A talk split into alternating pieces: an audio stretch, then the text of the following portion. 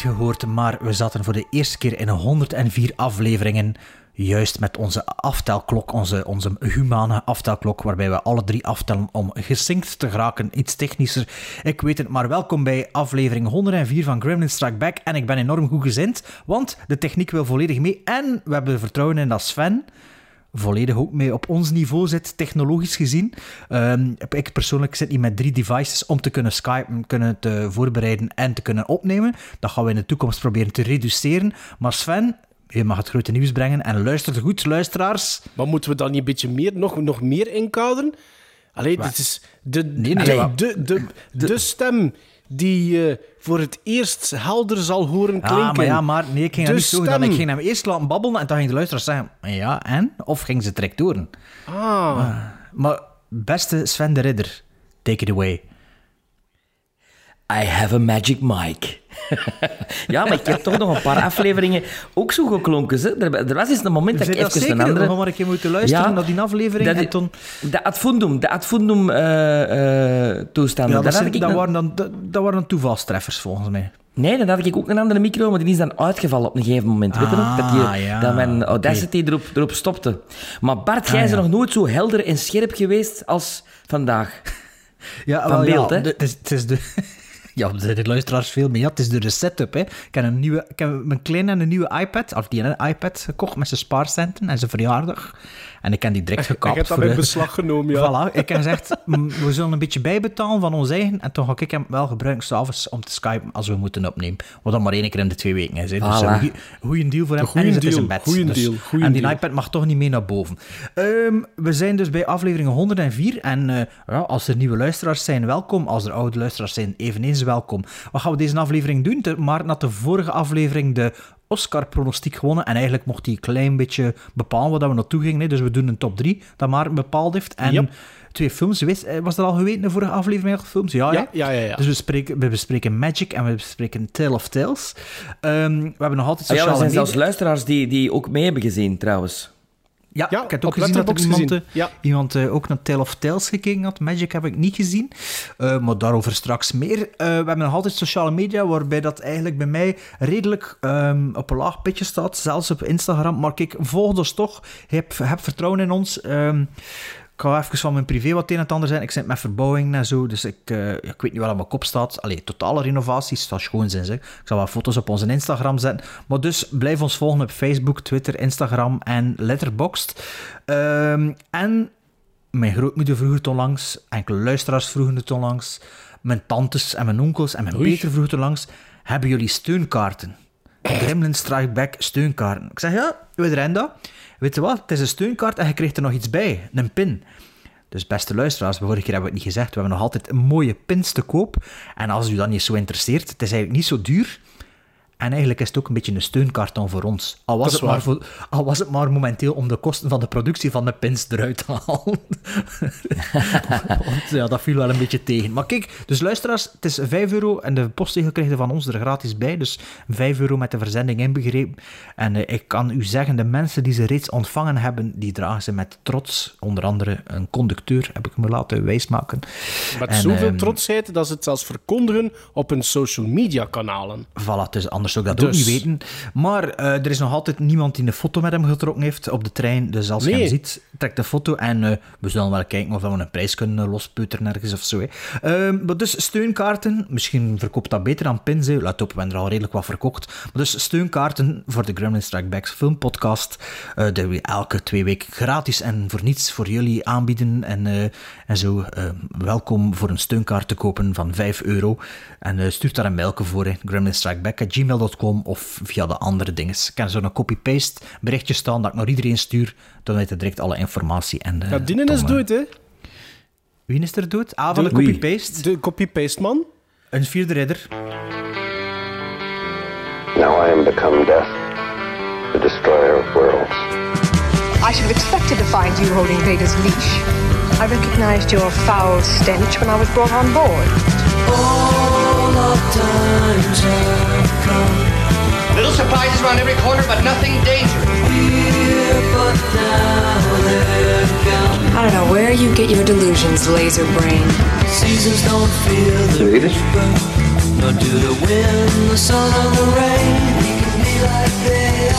Zullen dit?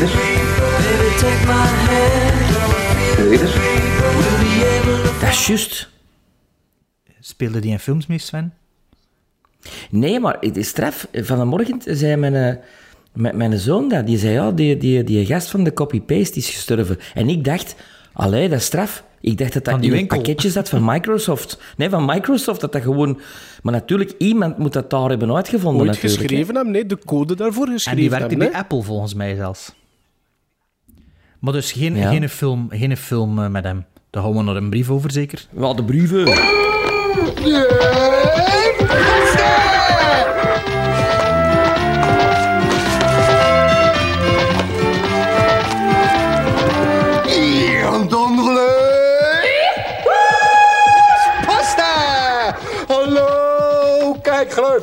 Ook deze maand een enorme bergpost. Dus ga door naar de eer- eer- eer- eerste brieven. Ja, we hebben een paar brieven uitgepikt uit de gigantische zak die nog altijd tegen de voordeur staat van, eh, van Bart. En de eerste is er eentje van Filip van Dijk en die werd ons toegestuurd op 30, jania- ehm, 30 januari 2020. En het onderwerp is podcast is top, uitroepteken. Hey Gremlins, ik luisterde laatst naar de podcast van Q Music met Sven. Sven, wat was dat, de podcast? Dat is al lang geleden, zeg. Dat is toch Dat lang de, geleden? de, tien meest, de tien meest gegoogelde vragen. Ja, maar er zijn mensen die dat... Ik, ik haal ook oude podcasts in, hè. Dus ik bedoel... Ja, je natuurlijk. kunt, Ja, maar- je kunt dat nog altijd beluisteren. maar- Maar ik las die we eerste wisten zin en dat ik, wist- ik kon, kon het niet meer plaatsen. Eigenlijk. Ja, ja, ik Dus wist twee dat, jaar geleden, denk ik. Ja. Ja, het is lang Goed. geleden. hè. Ik luisterde dus laatst naar de podcast van Q Ah, Music Sven, als ze gaan drinken. Iets Amerikaans? Zo weer een plakboel of wat? Dat is zo'n... Nee, dat is zo'n beker, die- zo'n plastieke beker, zo, hè. Ja, dat een beker is, dat, dat, is een beker, dat, dat, dat zie Een ik. recycle Ja, maar- en je schrijft uw naam erop. Of hebben ze dat bij Starbucks zelf gedaan? Dat hebben ze gedaan als je die gekocht hebt. Dan moet je die gewoon afgeven altijd, hè. Snap je? Ah ja, en uw naam staat er sowieso op. Ja, ja, oké. Nee, het stond er al op, hè. En er, en er staat dat al op gesigneerd? wat ik wil, altijd. Ah, Nee. dan Moet je, moet, je- moet je nog betalen ook, of moet je gewoon die beker geven? Jawel, jawel, maar je moet wel minder betalen. Ah, ja. Ja. Ah, du lukter godt, men det er ikke sikkert. Ah, Dat, dat, dat zal Oh, wel jongens, zijn. dat, zit eigenlijk Sorry, allemaal sorry, heel logisch in elkaar. Sorry, Sorry, Filip van Dijk, ik we er, ik er tegenwoordig nu mijn eigen koffie in. Ik vind dat ook plezant van dat thuis zo... Dat zit zo'n klein beetje in Amerika. Zo, hè. In Amerika is Sven, ja, och, garme toch, ja, oké. Zwat. Filip van Dijk. Ehm, dus, de podcast van Q Music met Sven. Daarin hoorde ik over jullie podcast. Omdat ik vrachtwagenchauffeur ben en onderweg dus veel tijd heb om te luisteren, probeerde ik Gremlins Strike Back. Sinds, Convoy. sindsdien ben ik helemaal verslingerd. Ik luister dagelijks en heb er al heel veel ingehaald. Zelfs als ik ga joggen, zet ik tegenwoordig jullie op in plaats van muziek. De Kom aan, intro, Filip, iets keer sneller, man. de intro en outro Ik ben de ik van- van dienst. De Kom aan, we intro en gaan eventjes iets sneller. We lopen iets te sneller, Filip, tot deze mail van jou gedaan is. En we trekken een, eh, een klein spurtje. Maarten liefst verder. De intro en outro vind ik fantastisch. Maarten klinkt een beetje als een jonge Jan Verheyen, dat heb ik nog nooit gehoord. Weer vind al, ik wel weer al. geestig. Ja.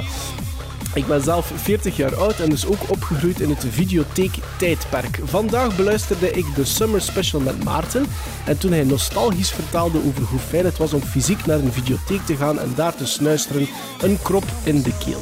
Ik heb daar ook vele uren gesleten. Het babbelen met de uitbater over films vond ik ook heerlijk. Dus ik vind de podcast heel geslaagd en luister met veel plezier. Het is met grote voorsprong mijn favoriete podcast Keep Up The Good Work. Gisteren heb ik gekeken naar 2001 A Space Odyssey. Het laatste half uur kwam mijn zoon van 12 naar beneden om te kijken waar al die rare geluiden vandaan kwamen.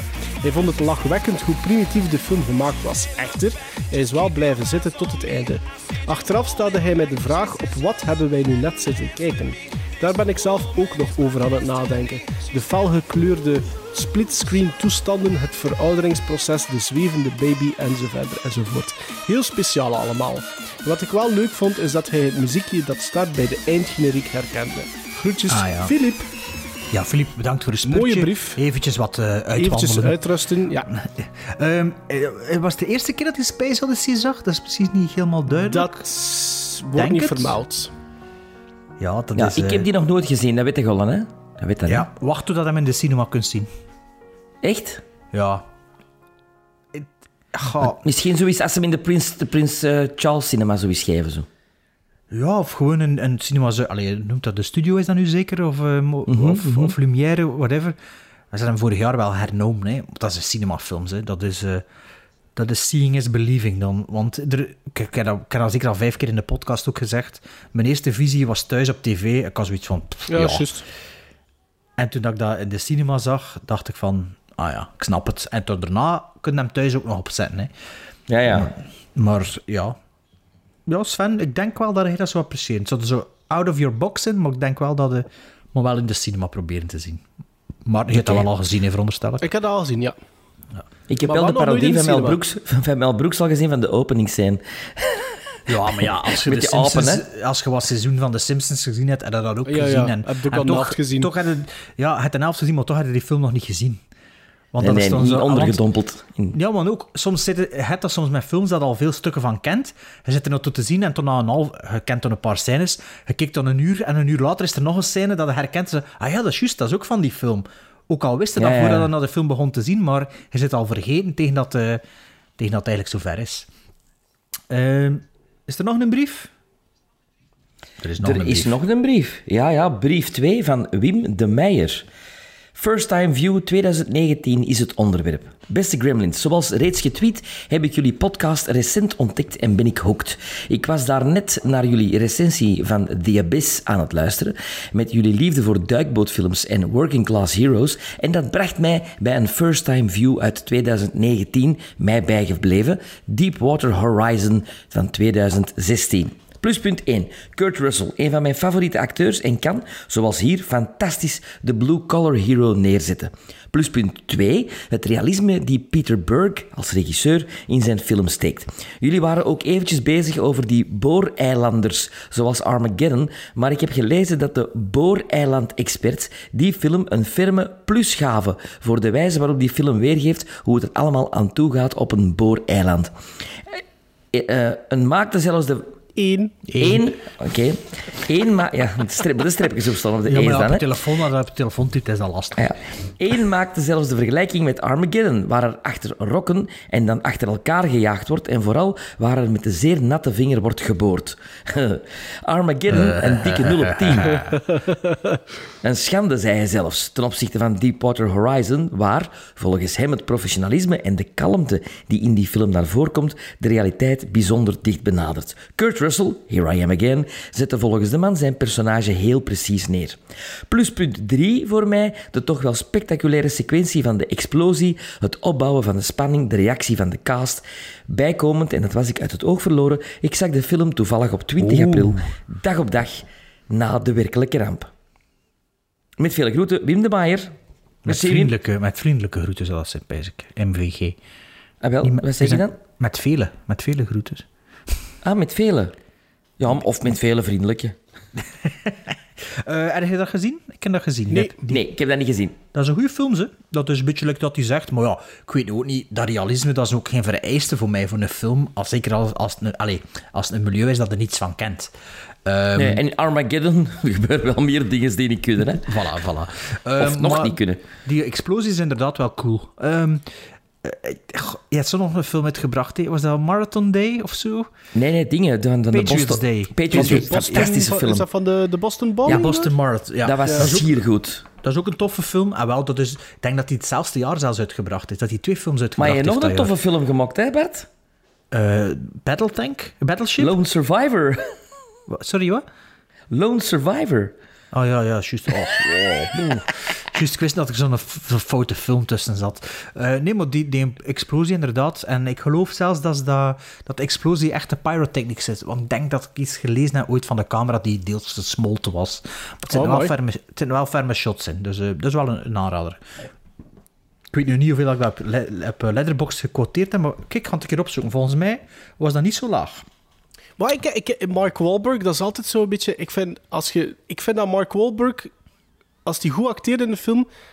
En als je dan bijvoorbeeld kijkt naar wie dat de regisseur was, heb je zo altijd zoiets wel, ah ja...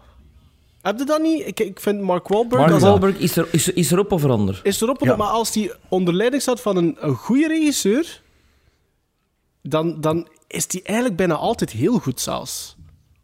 Ja. Het, het, het, is, het is, pas op, het is en blijft Mark Wahlberg, hè, maar die heeft wel Ja, maar goeie, in The Departed is hij wel heel goed, hè? Ja, The. Departed, Ja, En ding is, Pain and Gain, dat vind ik ook wel een goede film. niet gezien. met The Dus Rock is Michael dat, Bay met The Rock. Ja, ja, dat zou nog een coole film zijn. Eh, ik was niet te enthousiast over Deepwater Horizon. Blijf wel Vijf. wel- eh, Nee, vijf en een half. Wow. maar dus in mijn herinnering wel beter dan een vijf en een half. Maar misschien dat die film halverwege inkakt. Misschien dat een weet ik niet second meer. viewing, hè, of zoiets. Ja, misschien een second viewing. Ah, ik heb hier ook nog een brief.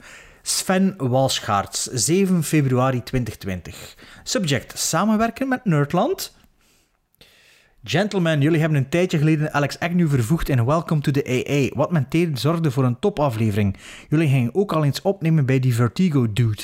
Wat, Die- denken die jullie, Vertigo dude. wat denken jullie van een aflevering met Lieve Scherre en Jeroen Baart omtrent films met hoge wetenschapswaarde of iets dergelijks? Het zou mij inziens absoluut topmomenten opleveren. Thanks. Stefan, eh, Sven Walschaerts. Ja, Sven, eh, we zijn ervoor te vinden. Bedankt voor de uitnodiging. Allee, dus dat, komt er, dat komt er binnenkort aan, of wat? Eh, ja, ehm, ik weet niet. Ik had er toch op geantwoord dat we, dat we zeker zouden zitten om met hun er bij hun- hen op te nemen. Het probleem is natuurlijk, eh, ik luister niet naar die podcast en jij er ook niet, denk ik. Nee, ik ken Dus ik weet- Scheren, maar ik ken Ik Jeroen ken de Baart podcast. niet. Wie is dat? Ja, eh, dat weet ik niet. En Sven Walschaerts is de derde host, dacht ik. Oké. Maar ik heb erop geantwoord van, ah ja, we zien dat wel zitten. en... maar, allee, kom. Dus, even voor de luisteraars. Ik, we kregen deze mail en ik had geantwoord van, ja, oké, we zien dat zeker zitten. Die periode is Sven veel vrij, want Sven is de moeilijkste om erin te plannen. En hoe had het gezien? En is dat samen zitten, of is dat op een andere manier? Of is dat met publiek? We, we, we weten dat allemaal niet zo goed. En een paar voorstellen gedaan. En toen kreeg ik een halve dag later een mail weer van Sven Walschaerts met de belangrijke mededeling, ja, ik heb eigenlijk niets met Nerdland te maken. Het is eigenlijk gewoon een suggestie. Ah. Maar die mail Sven. kun je toch wel... Die mail kun je nu toch wel interpreteren zoals dat ik hem geïnterpreteerd heb. Dubieus. Ja, tuurlijk. En eh, ik had hem ook doorgestuurd naar jullie. Had je die mail ook zo inter- geïnterpreteerd? Nee. Ik wel. Nee, ik dacht dat dat over iets totaal ik deel anders uw ging. enthousiasme. Ik, had, gez- ik had zelfs Lieve Scheren zijn naam niet zien staan. Ik had had, die uw mail gewoon nooit, niet meer ik had vooral uw, afgelezen. uw nooit weggelezen. Ah ja, Dus ik had uw, uw interpretatie gelezen. Dus ik dacht, oh, maar de mail zelf had ik niet gelezen. Ah, had hem niet gelezen, maar... Nee. Oké, ik dacht dan even van shit, hoe heb ik dat nu zo verkeerd voor? En toen heb ik de originele mail herlezen en nu nog eens. En het kan zo geïnterpreteerd worden. Hè. Maar dus bij deze, eh, mensen die eh, ja, liefhebbers zijn van Nerdland, maar die, die, die gasten brengen maar één keer per maand één uit of zo. Dus Ja. ik denk dat dat Ja. ook moeilijk is om daar gasten in, te, eh, gasten in te hebben, denk ik. Ik denk dat die gewoon een update van de wetenschappelijke maand geven of zo. Is dat niet, is dat Ik niet denk dat wel dat die met, met, met gasten werken, hè. Ah, Ah, want dan maar- heb ik al een goed onderwerp, hè, met een Betelgeuse-ster. Beetlejuice. Be- nee, ja, maar nee, in, het origineel is. Betelgeuse. Ik weet hè? het. Het, het, komt ook letterlijk in de film op zijn zerk, hè. In de Beetle- film ook, hè? Ja, ja. Jiddisch. Ja, wat. Eh, dat- wat, is uw Ja, wetenschappelijke dit- benadering ervan? Dat is, wel, dat- nee, nee, nee, ik heb dat nog doorgestuurd dus straks bij Instagram. Dat is de meest heldere eh, eh, Ah, ik heb dat nog niet ster, gezien. Eh, eh, in het universum. Dat we, allee, die we, en die is aan het uitdoven. Dus ze verwachten daar een, een explosie van die, van die ster. En dat dat een tweede zon gaat worden, maar krachtiger dan de zon. En Binnen wat heeft dat met 100.000 film te jaar. maken? Binnen, Ja, en wel niks, maar ik, ik ben hier wetenschappelijke dingen voor Nee, Nerdland nee, aan het nee. zeggen. De- Als wij er gaan, is voor... Dat was ook in mijn antwoord. Hè. We kennen Ah, wel. niets van wetenschap. Wel, de, ref- referentie is Beetlejuice. Ja, dus je bent u eigenlijk aan het verkopen dat je ook wel wetenschappelijke input hebt. Moest Ja, daar wil wel zeggen. als we dat bij die, bij die gasten zitten, alsof dat we er daar iets in de pok, be- bro- po- Dus, pap dus, te brokken dus, hebben. gaat Allee. die, e- dus, dus Sven, wat uw plan zou zijn om die ene, dat ene feitje te zeggen, En dan legt me dat eens uit in gewoon mensentaal. Hè? Zo van, want dat is ook een Maar zwart gat en alles. Beetlejuice. en hè, dan in de film 90 minuten Beetlejuice. later, dat was het dan voor vandaag, beste Ja, luisteraars. Ja, voor maar onze waarom. Waarom hebben ze die dan Beetlejuice genoemd? Misschien weten leven dat wel. Ah, Ja, dat weet je wat, is je misschien- kent de lieve... Ja, voilà. Kijk, dus mijn, eigenlijk was mijn, oproep, mijn was mijn oproep aan de luisteraars. Kijk, als je er dat wilt, dan, kunnen we er- dan kan dat geregeld worden. Wij staan ervoor open. We dachten al dat we uitgenodigd We waren door we hebben er zelfs al 45 minuten over zitten brainstormen over wat Voilà, dat we we hebben er zouden al een kunnen doen. brainstorm over doorgestuurd. Dus eh, ja, als jullie dat regelen, dan, dan staan we daar zeker voor open mee. Ehm, En over film dan, Sven, over film, niet over wetenschap. Dus bedankt Sven, Sven Walschaerts, de social media manager van Nerdland, voor die brief.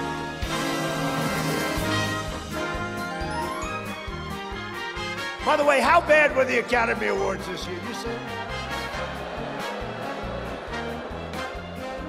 And the winner is a movie from South Korea. What the hell was that about? We got enough problems with South Korea with trade. On top of it, they give him the best movie of the year. It's a good I'm looking for like where, where. Let's get Gone with the Wind. Can we get like Gone with the Wind back, please? Sunset Boulevard. So many great movies. The winner is from South Korea. I thought it was best foreign. Best foreign movie. No, it was the. Did this ever happen before?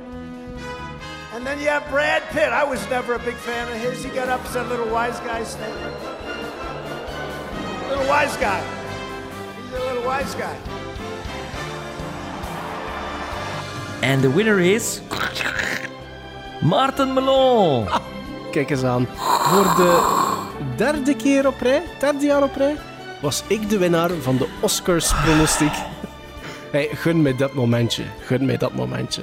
Ehm, dus, Je bent wel eh, de als- eerste die ooit gestraft is voor uw slechte pronostiek. Ja, dat is waar. Ik, ik, ik, ik herinner mij nog levendig de foto op social media ook. Ik had hem wel zelf getrokken. Ah ja, dat Ehm, moeten trekken van mij. Ik kan zeggen, ik eens een foto. En dan doe ik dat. Kijk eens aan. Ehm, dus eh, als winnaar kreeg ik ehm, de prijs dat ik twee films aan jullie mocht geven om, eh, om te bekijken. En de eerste film is er eentje uit 1978 met Sir Anthony Hopkins, Burgess Meredith en Anne Margaret in de hoofdrollen. Geregisseerd door ene Richard Attenborough. En Magic is de titel. Een film die zowel een X-rated label kreeg in 78 als ook een Golden Globe nominatie voor Hopkins in de categorie Best Actor in a Motion Picture Drama. In Magic speelt Hopkins Corky Withers, een hooglaar zonder charme, waar niemand naar luistert als hij alleen op het podium staat. Dat verandert wanneer dat hij Fats in zijn act betrekt. En Fats is een buiksprekerspop en zegt eigenlijk alle dingen die Corky zelf nooit over zijn lippen zou krijgen. De twee zijn een echte hit, trekken al snel een manager aan eh, vertolkt door Burgess Meredith, en al snel lonkt de televisie. Nu, wanneer Corky te horen krijgt dat een medisch onderzoek noodzakelijk is om een pilot voor een televisiezender in te mogen blikken, slaat hij op de vlucht. Een film van 1 uur 47 minuten. Mijn eerste Oscar-pronostiek winnaarsfilm dus voor jullie. En straks horen we van Bart wat hij van deze eerste, allee, wat hij van deze first time viewing vond. Want Bart zag Magic nog nooit. Maar eerst mag Sven, die de film wel al zag, eh, zag vertellen wat hij van de rewatch vond. En Sven, de hoeveelste keer was het dat je Magic bekeek? De tweede keer. Nog maar de tweede keer. Nog maar de tweede keer. Oké, Eh, Een keer film sinds van, van, 1979. is hem van 79? 78. Nee, dat hij hem gezien heeft. 78. Oh nee. Ik heb hem gezien, denk ik, als ik een jaar of acht, ja, vijf, en- nee, acht, 83 of zoiets, ja, zoiets. Op tv. Op tv herinner ik me dat nog, eh, omdat ik weet dat, dat mijn ouders er een grote fan van waren van die film. Ehm, en, en omdat dat een gerellige film was, maar een gerellige film die ik als kind ook mee mocht zien. Allee, en en dat, dat bleek nu weer, hè, dat je dat perfect... Allee, als je wat gewoon bent van films, kun je, kun je dat meezien. Maar... In mijn herinnering was dat een totaal andere film als dat ik nu gezien heb. dat komt dikwijls voor, natuurlijk. als dat is normaal, hè, ja. Gedurende de Ja, vier maar dat jaar is van de podcast is frappant? al vaak eh naar voren gekomen, Sven. Ja. Ja, maar deze vond ik heel frappant, omdat ehm, die film begint en ik, ik, dat was, ik denk, ik heb die niet gezien. Ik- Dat, kwam me totaal onbekend voor. Wat een strafbegin ook. Wat een intro, wat een intro-scène, wat een ehm, ongelooflijke regievondst van Richard Attenborough om, om ehm, hem te laten vertellen tegen zijn mentor, die er dan half stervende ligt en zelf niet meer kan optreden. Eh, en je ziet eigenlijk in een soort fast flashback, zonder geluid, eh, hoe dat het optreden is geweest. En hij liegt eigenlijk tegen zijn mentor, want hij zegt dat het fantastisch is geweest, maar je ziet dat het niet fantastisch is geweest. En je ziet dat hem eigenlijk wordt uitgelachen. Een beetje Joker, vond ik. Ik dacht van, hé, hey, Todd Haynes, Hier you've, ze. you see, you've seen that movie.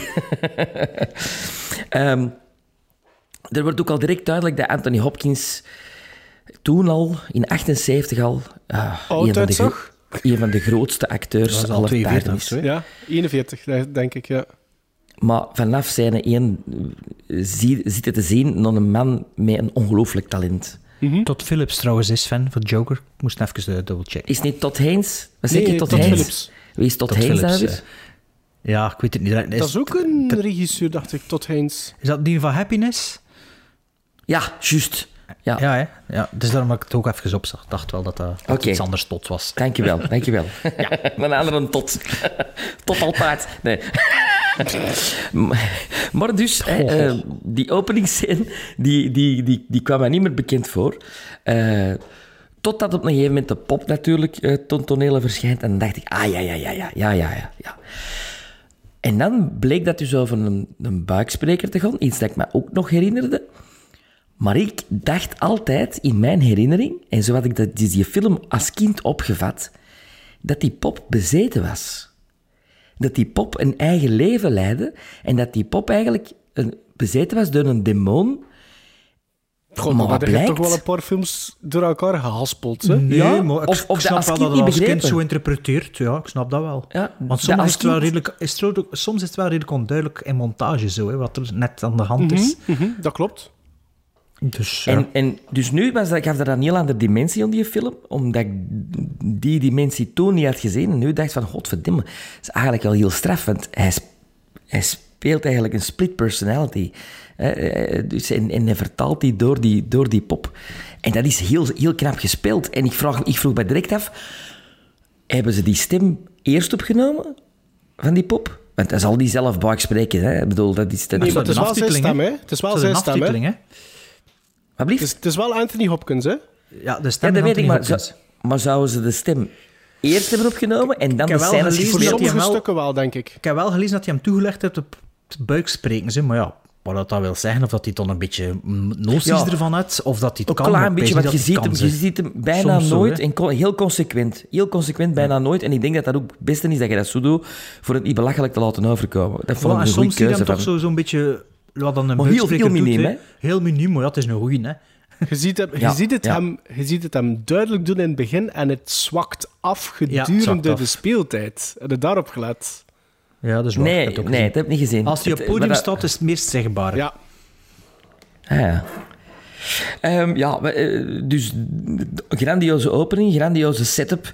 Ehm, dan eh, verlaat hij dus, omdat hij een test niet wil doen, vlucht hij eigenlijk eh, voor zijn, zijn manager, Burgess Meredith. Hij vlucht eigenlijk voor, voor iedereen. Hij vlucht weg en hij gaat terug naar zijn geboortedorp.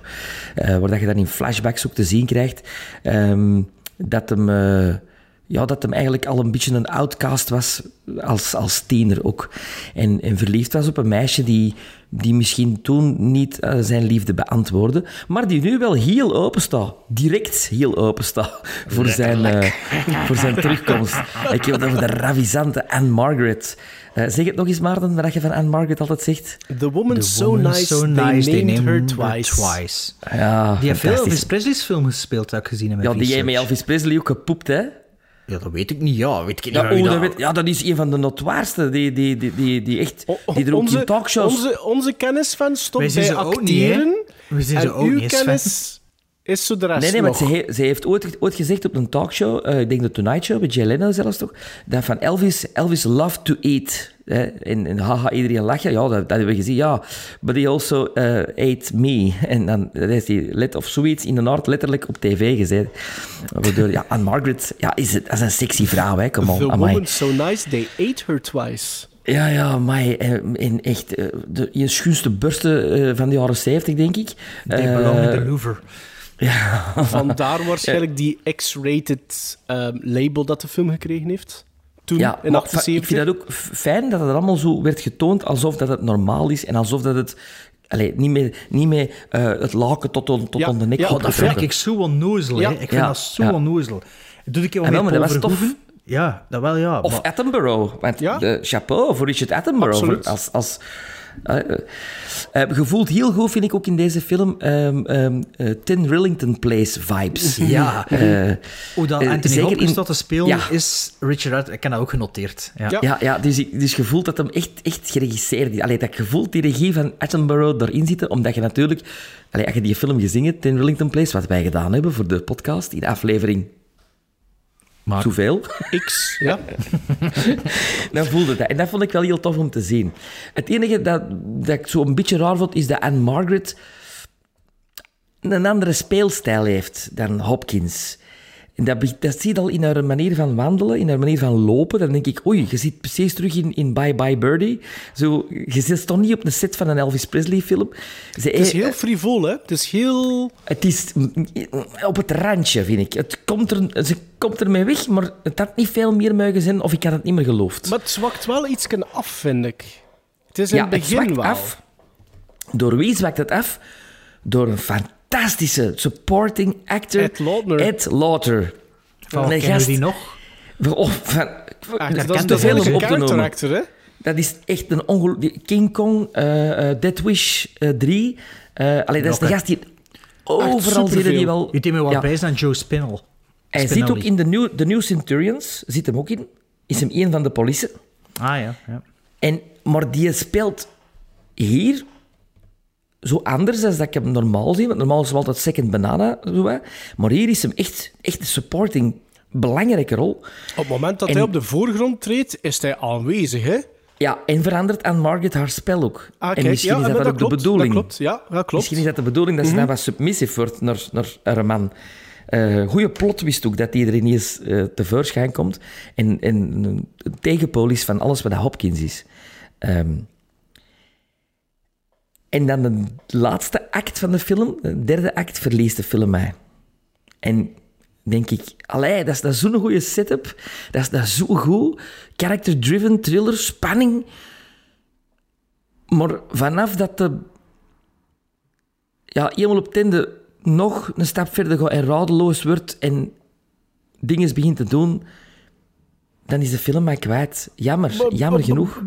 Vanaf welk punt? Mag ik dat zeggen? Nee, maar pas je op mocht, met je spoilers. mocht- hè. nee, maar je mocht gewoon wel een personage zeggen. Ja, vanaf La- een... laten we Maar het zeggen... laatste 15 minuten, nee, ja, derde Ja? act, ja. Ja, ja. Laatste 20 minuten zo, ja. ja. Oké. Voilà. Dat was het, hè? Eh, Is dat niet genoeg? Nee, nee, nee. Maar het is omdat ik niet zoveel heb dat ik dacht, het zou wel langer duren. nee, de film staat dus voor de luisteraars integraal op YouTube. Daar heb ik hem bekeken. En in een hele mooie kwaliteit. ook. Ja, zeer Dus, goede eh, kwaliteit. Dus dat kwam goed van pas. Eh, het was duidelijk dat het een film van Maarten is, want de eerste scène is het half circus natuurlijk. Eh, het waren nog niet alleen de poppen, want er was ook een circus. Ehm, Richard Attenborough, inderdaad, de regisseur, had eh, niet zoveel films gemaakt, maar zowel ook weer zo'n Oscar-filmer. Hè? Zo films maken die dan toch wel op de een of andere manier bij de Oscars belanden. Nou, Ehm, Gandhi, hè? ja, van Gandhi. Gandhi. Eh, je had ook de- deze film, ah, ik heb het, gelezen. Er is ook iets met een andere film en Gandhi te maken, maar ik kan het nu niet zeggen, want ik kan het niet meer parafraseren. DOP is Victor Kemper, dat is de DOP van Sven, National Lampoon's Vacation en Dog Day Afternoon. Dat is een Ah. bekende naam voor mij. Ik herkende die naam, Victor Kemper, oftewel is dat. Bestaat er een andere sportman of zo eh, die ook zo'n naam heeft? Maar ik herkende de naam. Ik dacht, ah, ik zal dat eens opzoeken. Dus Dog Day Afternoon en eh, National Lampoon's Vacation. In het begin was ik een klein beetje verward door het accent van Anthony Hopkins. En dacht ik van, is dat nu in Engeland of niet? Want hij spreekt zo, ja, niet zuiver Amerikaans. Of ik dacht, is dat nu een Amerikaan die in Groot-Brittannië woont? Of omgekeerd? Maar het was er natuurlijk rap duidelijk vanaf dat die establishment shots zet en die exterieuren. En die, zelfs die, eh, die eh, comedy club, dat dat Amerika is. Maar ik was toch even in de war. En ze zeggen het ook, ze hadden het was ze zeggen, his father was some kind of limey or something. Dus Ja. Ja. uh, ik weet, allee, voor mij, voor jullie misschien ook, maar ik vind het altijd moeilijk voor als dat die accenten. Soms zit ik niet aan het topletten en heb ik niet door dat iemand Brits aan het spreken is in een Amerikaanse film in Amerika. Maar, hier was het Maar die zin, die zin van his father is, eh, eh, was limey, probably, gebruiken ze heel veel voor Britse acteurs die een Amerikaanse... lossen, Want ja. voor Albert Finney hebben ze dat ook eens een keer gedaan. In Wolfen. Ja, ja, maar... Maar ze zeggen wel dat hij... eh, hij zegt wel dat hij opgegroeid is in de Catskills. Upstate New York. Upstate In de- New York De. Catskills heet die regio. En dat is een bestaande regio. Hè. Dat is zuidoosten of het zuidwesten Ja, ja, ja. Het is een van New een- York. Dat is juist hetzelfde als dat ze Dirk van Dijk en Sien Eggers de, de moeder en vader laten spelen van West-Vlaamse kinderen. Hè. Ja. Hebben ze ook zo even gezegd, ja, maar ze zijn ingeweken. Wow, Ja, ja, maar ja, dat kan, hè. dat, dat kan natuurlijk inderdaad. Maar, de, de- het was, maar, het was- maar ik dacht, is dat nu Engels? Is dat nu een soort Brits? Of is dat nu... En toen moest ik wel even zo... Ik vond dat er, like, zo, dat er iets mee scheelde. Maar niet storend, hè, maar ik voelde wel dat er iets mee scheelde. Ik wist ook niet echt iets van de film. En na twaalf minuten dacht ik nog altijd, naar welk genre zit, zit ik hier te zien? Allee, het is een creepy pop, tot daar aan toe, maar, welk genre is dat hier juist? En toen begon die film zo wat te lopen en merkte ik zo wat kleinigheidjes op. Like, op een gegeven moment wordt er over een Mike Douglas gesprongen en over Steve Martin en over Weinstein in Legal. Ik dacht, ah, funny. Is, eh, is visionair eh, op een of andere manier. Eh, ik weet niet, Steve Martin, was die toen al actief? Want, Ja. er want eh, Burgers Meredith zegt van, that's how I made Steve Martin big. Ja, zijn eerste Ja. stand-up zat hij, was hij al in zijn eerste... Ze is En dan- 76, Maar 77. ik vroeg me af of dat hij dan verwijst naar de echte Steve Martin of niet. Denk het wel, hè, want dat spreekt ook over de echte talkshow-host. hè. En, en, en, Ah, ah ja, dat was me niet op. Hij Ja, spreekt ah, ja. over Ah ja, Leno op Jimmy Carson zeker. Nee, Carson. Nee, Carson, Carson, Carson, ja, Ja. ja. Ja, ja. Dus ja, dus dat viel me wel op, vond ik wel funny. En ja, die pop, ja, van de eerste momenten dat je ziet, denk je, what the fuck is dat met die pop? Die is nog creepier dan... Allee, ik vind Chucky niet zo creepy, maar die pop, joh. En ik zei, oh, maar je stomme poppenfilms altijd, ik word er al- kreeg er al een fobie van. Ehm, en maar dat- de pop, de pop ligt toch in het begin al in die, in die loge, hè? In, die, in die kleedkamer. Hè? Die ligt op een kast daar. Dat heb ik niet opgelet, Sven. Ja, Ah, als die bombt, bedoelde. Ja. De allereerste scène. Ja, kunnen ze, dat ik dat ja, ja die ligt er van achter op een kast. En dan, Ja, ja. Daarmee ja, dat ik ja. nog altijd toen dacht van, ah, die, die geest van die mentor zal daarin kruipen. Ah ja, bij de mentor thuis, hè. Ah, is die ja, ja, ja, ja, ja. Ja, dat is een kleedkamer, is dat, hè? Dat is zo, zo wat- Ah, ja. dacht, allee, Ja, zo maar- leek mij dat. Ja. Eh, en na drie kwartier was ik me eigenlijk een beetje aan het vervelen. dacht, god, die film hier... pff, ik ben niet echt begeesterd erdoor. Waar had het naartoe? Pff, Ik vond het zo wat mossel nog vis. Ehm, en toen ja, begon dat precies wel wat beter te worden. Ehm Burgers Meredith, dat is tot top te spelen. Ook niet... Ik ken die vooral als de, als de trainer van Rocky. En inderdaad, dan is een wat oudere ding. Ehm ik die Twilight Zone aflevering ook gezien heb. Welke is dat, wat hij meespeelt, maar weet het nog? Eh, met, eh, als hij, ehm, die gast die alleen maar wil lezen altijd. En hij mag nooit niet lezen. Ja, ja, voilà. Ja, die heb ik ook Ja. wel langs gezien. In de Twilight Zone aflevering. Ja, ja, dat is een goede aflevering. Eh, en, maar eigenlijk ken die vooral van naam en van Rocky dus. Maar hier speelt hij ook iets totaal anders dan in Rocky. Of En- als in Grumpy Old Man ook iets totaal anders. Ah, die, Ja. die, die, die, liggen al zo lang klaar. Ik moet dat echt Dat moeten hebben, echt een keer bekijken. Ja, ik weet ja. het, ik weet het. Ja. Ja, Ook met Anne. Margaret, hè, trouwens. Ja. Anne Margaret twee. en, en, en Jack Lemmon en, eh, En Walter Matthau. Uh, everything to love there. Ehm, maar dus ja, eh, die scène, in die, en als die in die cabin stond, wat een goede scène is dat. Hallo. Ik vind dat ik de, de Hallo. scène van de film. Mhm. Dat is echt zo. En want gepeest, ja, dat is zo'n zo'n eh, zo'n gehaaide manager, maar eigenlijk ook niet. En het toont heel veel er ook- emotie daar, hè? Ja, en wat er ook interessant is, is dat Anthony Hopkins, zijn personage, maar al te goed weet wat er met hem scheelt.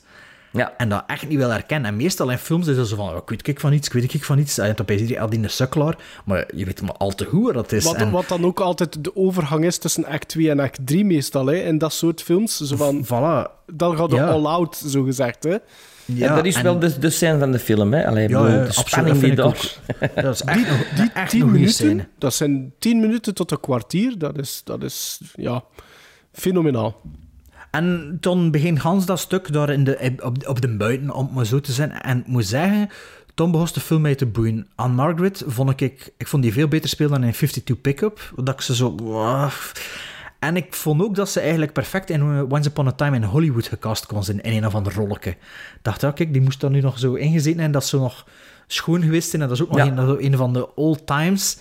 En die waarschijnlijk nog altijd schoon is in beeld, ook al is het 90 jaar of zo ondertussen, weet ik veel van. Maar ja, de star, de star quality van die vrouw spat eraf. Hè. En deze film viel Ja. me daar ve- veel meer op. En natuurlijk, ja, Your Breasts Belong in the Louvre. Ja, het zal wel zijn, man. Zo'n tijd. Dat is toch niet normaal?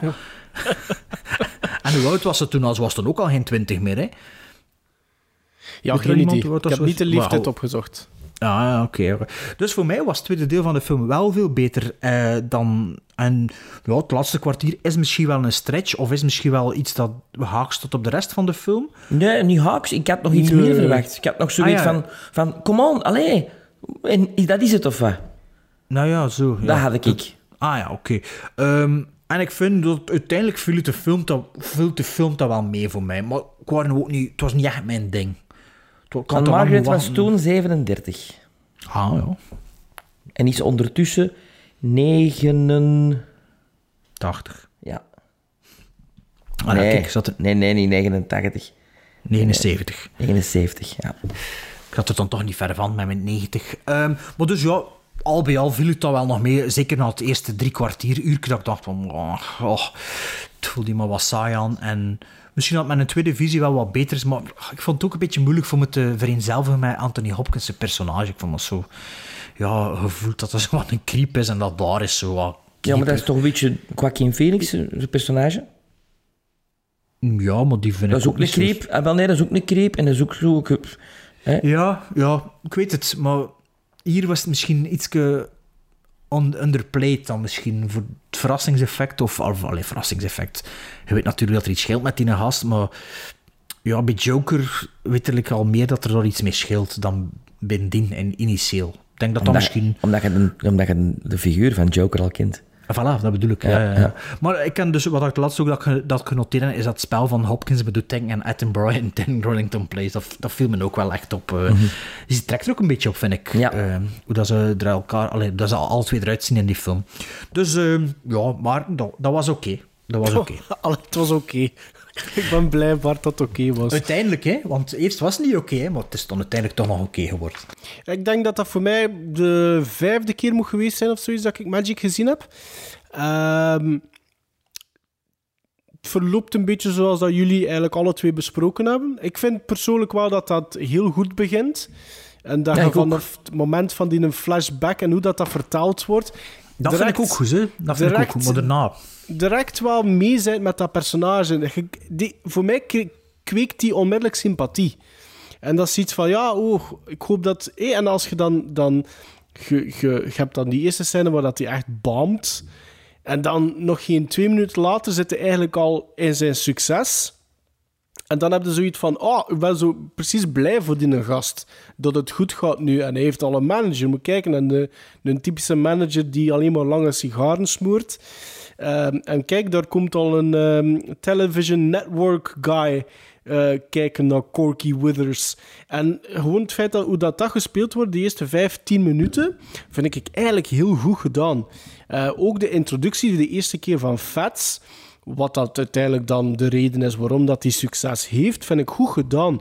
Dat is iets wat ik heel graag aan het meevolgen was, dat eerste 10 minuten, die eerste 15 minuten. Ehm, en als dan ehm, eh, dat, dat eerste ehm, eh, gesprek in de loge dan tussen eh, Hopkins, Meredith en de, de television guy, vond dat heel goed. En, en dan waarom dat die vlucht, dat je als kijker direct voelt van er is hier iets niet juist. En dat je dat gevoel direct hebt van en die gast weet dat. En zoals dat Bart zegt, dat is, dat is leuk dat dat een keer zoiets is. Dat, ehm, dat niet het, het, het, het andersom is. Dat iemand is van ja, ik wil dat gewoon niet doen, want er is niks mis met mij. En dat is het juist niet in Magic. Ehm, ik moet wel eerlijk zeggen dat nu, deze keer... Maar dat kan natuurlijk ook komen door, door de veel, allee, het veelvoud aan, aan viewings dat ik al gehad heb van Magic. Vond ik het moment waarop dat die toekomt in de Catskills, in die de buiten, laten we dat maar zeggen, in de cabins. Dat eerste kwartier vond ik het tempo plots te drastisch inzakken. En ik was wel aan het hopen van, kom, pik dat tempo maar weer wat op. En dat, pas op, dat doet dat ook. Maar het is Ja, wel een minpuntje. met Burgers Meredith. Maar daarvoor ook al. Voilà. Hebt, daarvoor ook al. Hebt de, de, de, de card trick dat hij doet met Ah, Anne ja. Margaret. Is Ja, ook ja. al een beste heftige scène. Ja, redelijk sketchy, ja. En dat je als kijker zoiets hebt van... Jesus, what's wrong with you? Maar dan natuurlijk... ik zeg het, die 10, 15 minuten wanneer dat Burgess Meredith terug, terugkomt, dat is, dat, is, dat is ongezien, vind ik. Ehm, ik had Magic herbekeken en de volgende dag ehm wou er iemand die film ook nog een keer zien en heb ik nog een keer meegekeken. Dus op 24 uur heb ik nog een keer die, heb ik twee keer die film gezien. En die scène, dat, dat, dat krijg je daar koud van. Dat is zo goed geacteerd. Dat is zo goed geschreven. Psychologisch is dat ook fantastisch, vind ik. Ehm, en wat dat, wat dat een standing-out feature is van de film, is hoe dat, dat geschreven is, hoe dat die, de evolutie zit in dat karakter van Hopkins. Want dat is geen toeval dat hij in het begin, als hij onstage zit te performen met Fats, dat hij zijn mond nog wel aan het bewegen is. Maar in pakt vanaf minuut 50 zie je die zijn mond nooit meer bewegen. Het is gewoon een mooie evolutie. Gewoon voor aan te tonen van dat hij hem vereenzelvigt ook waarschijnlijk volledig met zichzelf. Of wat dat juist ook is. Maar ik vind dat echt wel heel goed gedaan. En dan, ja... Het einde van, van, van dat stuk met Burgess Meredith, wanneer dat hij dan voor het eerst misschien echt in dialoog treedt met de pop, laten we dat maar zeggen. Ik vond dat echt heel goed geschreven. Ik vond dat heel goed geacteerd. En van daaruit ja, blijft die film eigenlijk gewoon voor mij razen. Inderdaad, het, het personage van Ed Lauter, Lauter die dan ten tonele verschijnt, die dan echt wel een asset wordt ook voor de film. Want je hebt inderdaad, zoals dat Sven zegt, wel zo vaak zo van... Ze gaan er nog een, een vierde personage tegenaan kwakken voor... Vroeg heel natuurlijk aan, hè, Ja. inderdaad. Ehm, en die, die, de, de, de, de onderlinge relations zijn ook vanaf minuut één heel duidelijk. En het is dat ook ehm, inderdaad waarom dat Anne Margaret juist verstijft plots, hè, als, als, ten, allee, als hij tevoorschijn komt. Dus ehm, nee, ik zou, had, ik, zou een goed toneelstuk zijn. ja, ik, ik, had, ik had geen problemen met het laatste stuk, wat dat Sven had. Maar ik had ook geen problemen met het eerste stuk, wat dat jij dan misschien een beetje meer had, Bart. Gewoon omdat je zo het gevoel had van, ah, waar gaat dit naartoe? Het enige wat ik deze keer meer problemen mee had, was zo de 10, 15 minuten. Midden zo. Ja, zo de eerste kennismaking met Anne, Anne Margaret, tot aan die card trick dat hij met haar doet. Dat vond ik zo van, hoef. Zakt wel echt wel zwaar in dat Ja, dat is een beetje voor die, die denk voor die verliefdheid of voor die, die hoe noemt dat, die keur de voeteren, of noemt dat? Ja, eh, Goed, goed te- te, ja, te tonen aan de kijker, zeker. Ik denk dat dat een beetje de reden is dat, ja, dat er wat meer meeleeft met die relatie tussen die twee, dat dat iets tijd moet krijgen, denk ik. Ja, maar, Dat, snap ik, dat snap ik. En ik vind het ook niet slecht geschreven. Maar het is gewoon alles ervoor, alles erna. Ik vind dat dit... Ja, vind dat dat een stuk is dat je wel voelt dat plots alles komt to a screeching halt. En Ja. eh, dat vond ik wel wat minder. Ehm, maar kijk... we Trouwens, de schrijver van Magic is William Goldman, hè, die eh, vorig jaar, nee, of het jaar daarvoor of vorig jaar gestorven is. Ook de schrijver van The Princess Bride en, en Mhm. andere geweldige dingen als All the President's Man en Butch Cassidy en The Sundance Kid. Dus wel een, een mens die wel wist wat dat scenario schrijven er, zit, er zat talent zowel voor als achter de schermen. Hè? Als je Ja. Richard Attenborough en, dan, en Bart haalt de, de DOP aan en de scenarist. En, allee, er zit wel-.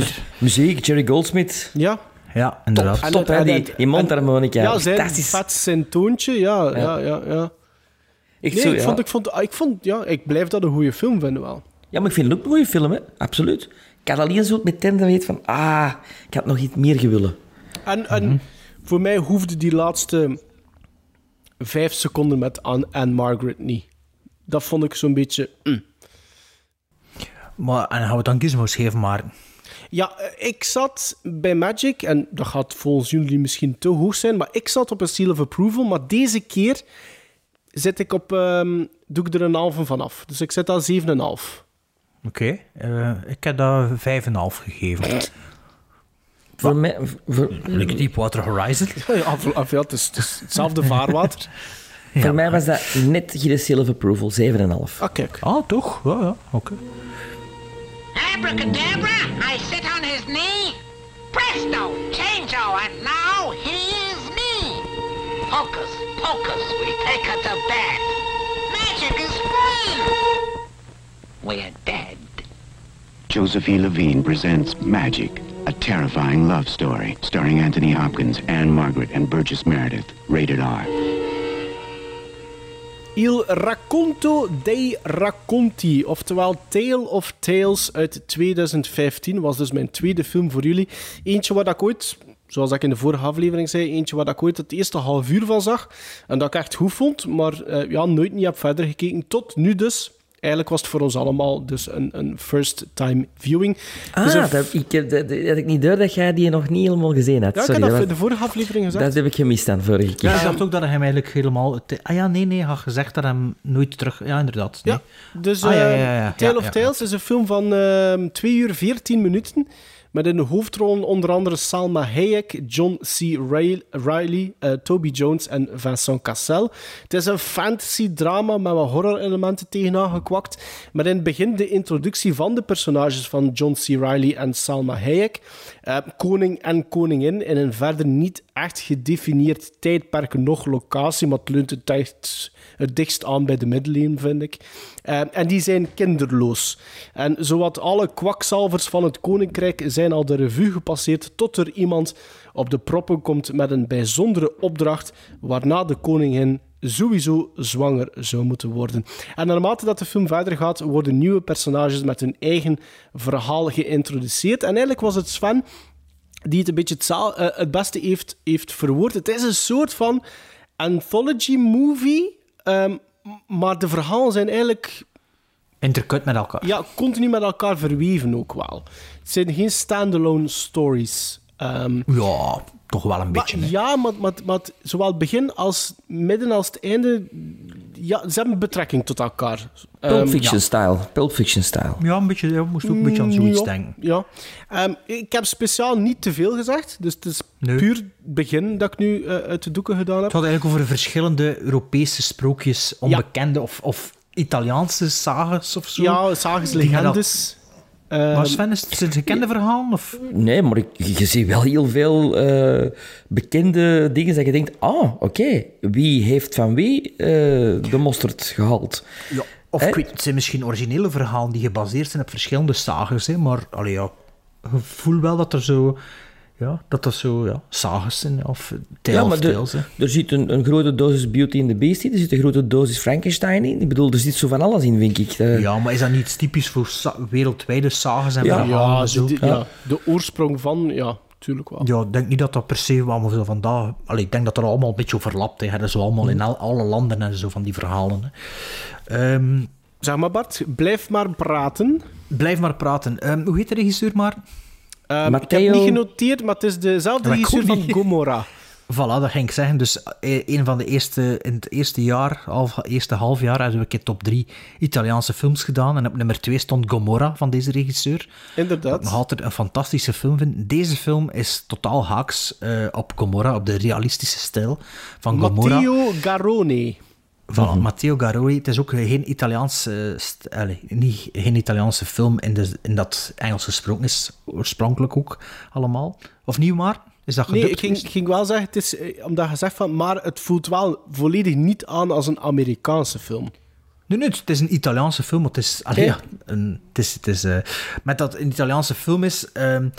Wanneer dat ga ik zeggen, wat ik nog wil zeggen over de regisseur is, die had ook Reality gedaan. Dat is een film dat ik ooit van de bibliotheek gehuurd heb, beginnen zien. Maar na 20 minuten was die DVD kapot. Dus ik kan die nooit verder zien. Maar dat was ook, ook iets unieks. Dat, dat gaat over eh, een vent die zijn grote droom is deelnemen aan, aan Idol of aan Big Brother of zoiets. Ik weet het niet meer precies. En dat, dat had een goede premisse en dat was goed op gang, maar toen was die DVD kapot. Ik heb nooit meer verder gekeken. Die had ook vorig jaar Dogman uitgebracht en iedereen die dat gezien heeft, vond dat wel een goede film. Dogman. Ehm, Sven, je kunt hem denk ik deze weekend nog opnemen op Playmore. Dus eh, Ah, als je geïnteresseerd zit, eh, denk dat die... Allee, ik ken nu een maand Playmore via een luisteraar. Shout-out naar de luisteraar, ik weet niet meer wie dat was. Ehm, en ik zag dat Dogman er ook op speelde. Dus die film ben ik ook heel benieuwd naar. Dus Tale of Tales, ik wist niet dat dat ook van hem was, totdat ik mijn research deed. Of, allee, totdat ik wist dat we naar die film gingen kijken. Ehm, en ja, het is inderdaad een Italiaanse film. Het voelt... Ik heb niet veel van de mans werk gezien. Ik heb vooral halve films van hem gezien, dat ik het meestal niet volhoud. Het voelt vrij Fellini- Fellini-esk aan. Er zitten elementen Ehm, in, ja. Satiricon, is Satiricon van Fellini? Ja. Dat heb ik half gezien. Mhm. dat, dat deed me een beetje aan denken. ehm ja, toen ook eens dat fragmentarische van zowel Dolce Vita als Otto Edimi, of noemt dat? Ah, Eight and a Half. Ehm, dus, dus direct voel- voelde dat... Het was ook direct duidelijk dat een film was van Maarten, want begon met een circusact. Wat? Dus, het is een film van Maarten. Tada! Dus ja, en ja, je stapt dat universum binnen en het valt het stilisme en het unieke, de unieke sfeer Ja. valt u direct op. Het is, het is een sprookje, je voelt het direct. Het is een beetje Del Toro, maar ook niet dat, dat magisch realisme van Del Toro. Het is meer, het is meer zo uh, Het het is, barokke het is, schilderij. het is grauwer dan Del Toro. Del Toro heeft zo dat feerieke nog wat meer. Vind Wel, ik. dit vind ik meer, dit, dit vind ik meer als zo'n... Ja, als je zo barokke schilderijen ziet, maar zo, die niet te donker geverfd zijn. Dat Ja. gevoel dat ik...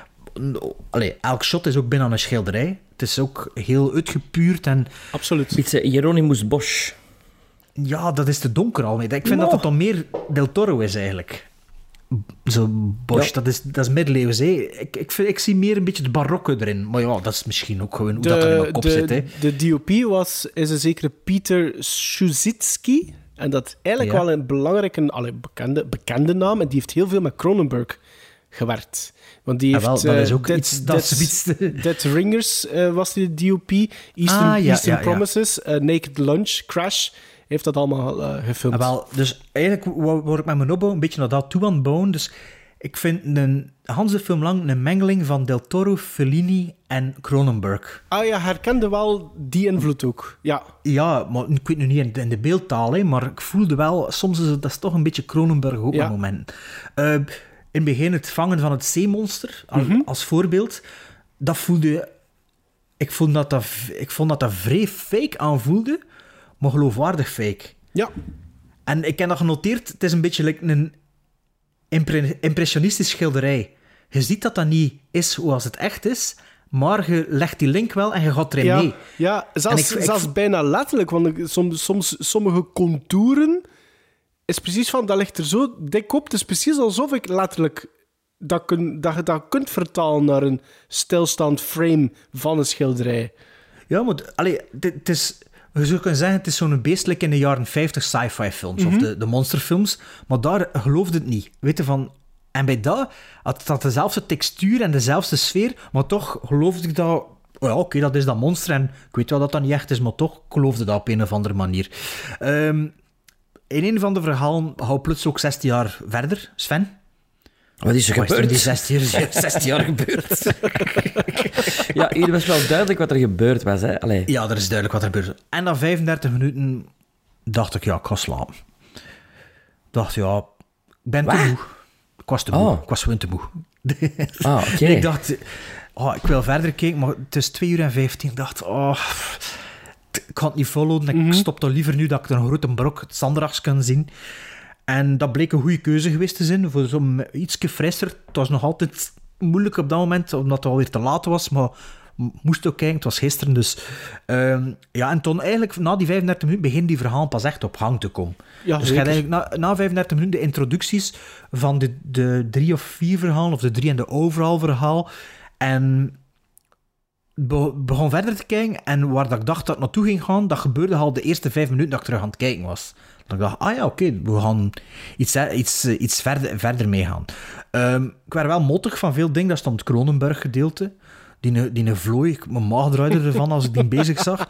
Die, die vuile zussen, hele goede make-up, maar oh, zo wansmakelijk voor dat toe te zien. Een beetje, like destijds hadden Ren en Stimpy keek, dat Ja. gevoel had ik Ja. soms. zo- zo Ja. van, oh, ah, maar, allee, maar goed gedaan, hè? Goed gedaan. Ehm, ik had de vorige aflevering gezegd ook dat ik in de rij stond op Filmfestival van Gent om de film te bekijken in de cinema. En eigenlijk had ik die film heel graag in de cinema gezien. Ja. Omdat, omdat ik vond het thuis gegeven niet immersive genoeg. Het was toch nog te veel afleiding, of, allee, of gedachten dwaalden af in de cinemazaal. Zaal, Ze er veel meer gefocust. Ja, maar ja, weet, je- weet wat dat is? Het, het is ook een... ehm Tale of Tales is, is met momenten wel een aanslag op je zintuigen ook. En ik denk, als je dan in een volledige dus donkere zaal zit... Want, want uiteindelijk, ik vond, ik vond Tale of Tales vond ik met momenten redelijk vermoeiend. Net omdat het stilisme, ehm, de beeldtaal, de kostuums, de kleuren. Ja, ik, ik, voor mij het was soms precies even een overload soms. Maar, ja, dus ik, ik dacht, ja, moest ik dat in de cinema gezien hebben, toen ging ik niet helemaal gekeken. En, ja, hoe lang is het nog? Want ik doe dat soms ook meer dan ik besef. Zo, oh, nog drie kwartier, hopelijk haal ik het. En ja, als je in de cinemazaal zit, dan zit het daar. En dan zijn dan nog de late film gehad en zit te knikkenbol. Ja, kijk je dat gewoon uit en heb je een film gezien. Dus ik vond het wel een beetje jammer. En het is ook wel een film, je moet ervoor in de stemming zijn. Als je hem op een verkeerd moment ziet, dan kan dat zo... Goh, daar heb ik nu echt geen goesting in. Ehm, maar ja, kijk, ik was wel in de goesting. Verder ook... Het is ook... ehm, ja, het zijn sprookjes, maar het zijn oldschool sprookjes. Het is, eh, het is zonder franjes, het is geen Disney. Het is like dan Nee. de Grimbroeders ook Nee. verhaal. En eh, Hans Christian Hans, Andersen, eh, origineel onder dingen sinds weet je, die werd verkracht origineel en zo. Dus het was ook wel, het was no frills. Het was echt, ja, like dat te zeggen, een randje horror, momenten van horror. De Ogre, die vond ik ook fantastisch. Ja. Ehm, weet je dat dat Vincent Cassel in make-up is? Serieus? Nee, Is- wist ik niet. Nee. dat is ook niet waar. maar je wel dezelfde neus ongeveer. Ehm, Toont alleen En dat maar aan dat we aan je lippen hangen op dit ja, moment. Bart. en eh, ik vroeg me toen af, ja, je zag precies wel een beetje make-up, maar ik denk ook dat dat zo'n type is die ze gecast hebben, net zoals dat ze zag Doc in, Jones, Doc Jones-achtig, hè? Wa- Like zoals in, eh, in Lost in La Mancha, wanneer dat ze daar, als je die documentaire ooit gezien hebt over Don Quixote, Die drie. wanneer dat ze, daar, dat ze daar op de velden door die drie broers gaan, gaan plukken, ja, Ja, die passen mega in dat universum. Ja. En bij die personage had ik ook dat gevoel. Ehm, wat ik wel vond, is, ik had graag toch nog de grotere apotheose had bij alle verhaal. Snap ik. Als je het gezien hebt, is er één verhaal die blijkbaar het grote verhaal is en de rest is kabbelt zo wat leeg. En het is jammer dat dan misschien de, de, de, de verhalen samen niet nog tot een apotheose geleid hebben. Ik vond dat een klein beetje teleurstellend, maar al bij al... Allee ja, is dat, is dat maar een kleine kritiek. Vijf en een half.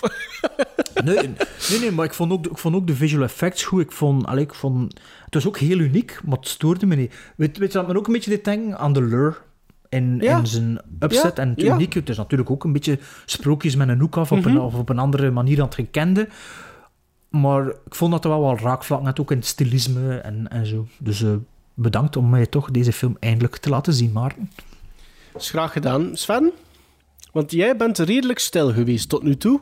Ja, ik wou Bart niet onderbreken. Eh, Ik wel, ik deed dat Dat zou ik wel doen, hè. Dat ik Ik, eh, ik wist niet wat ik mij moest dan verwachten. Eh, ik had er nog nooit van gehoord, van die film.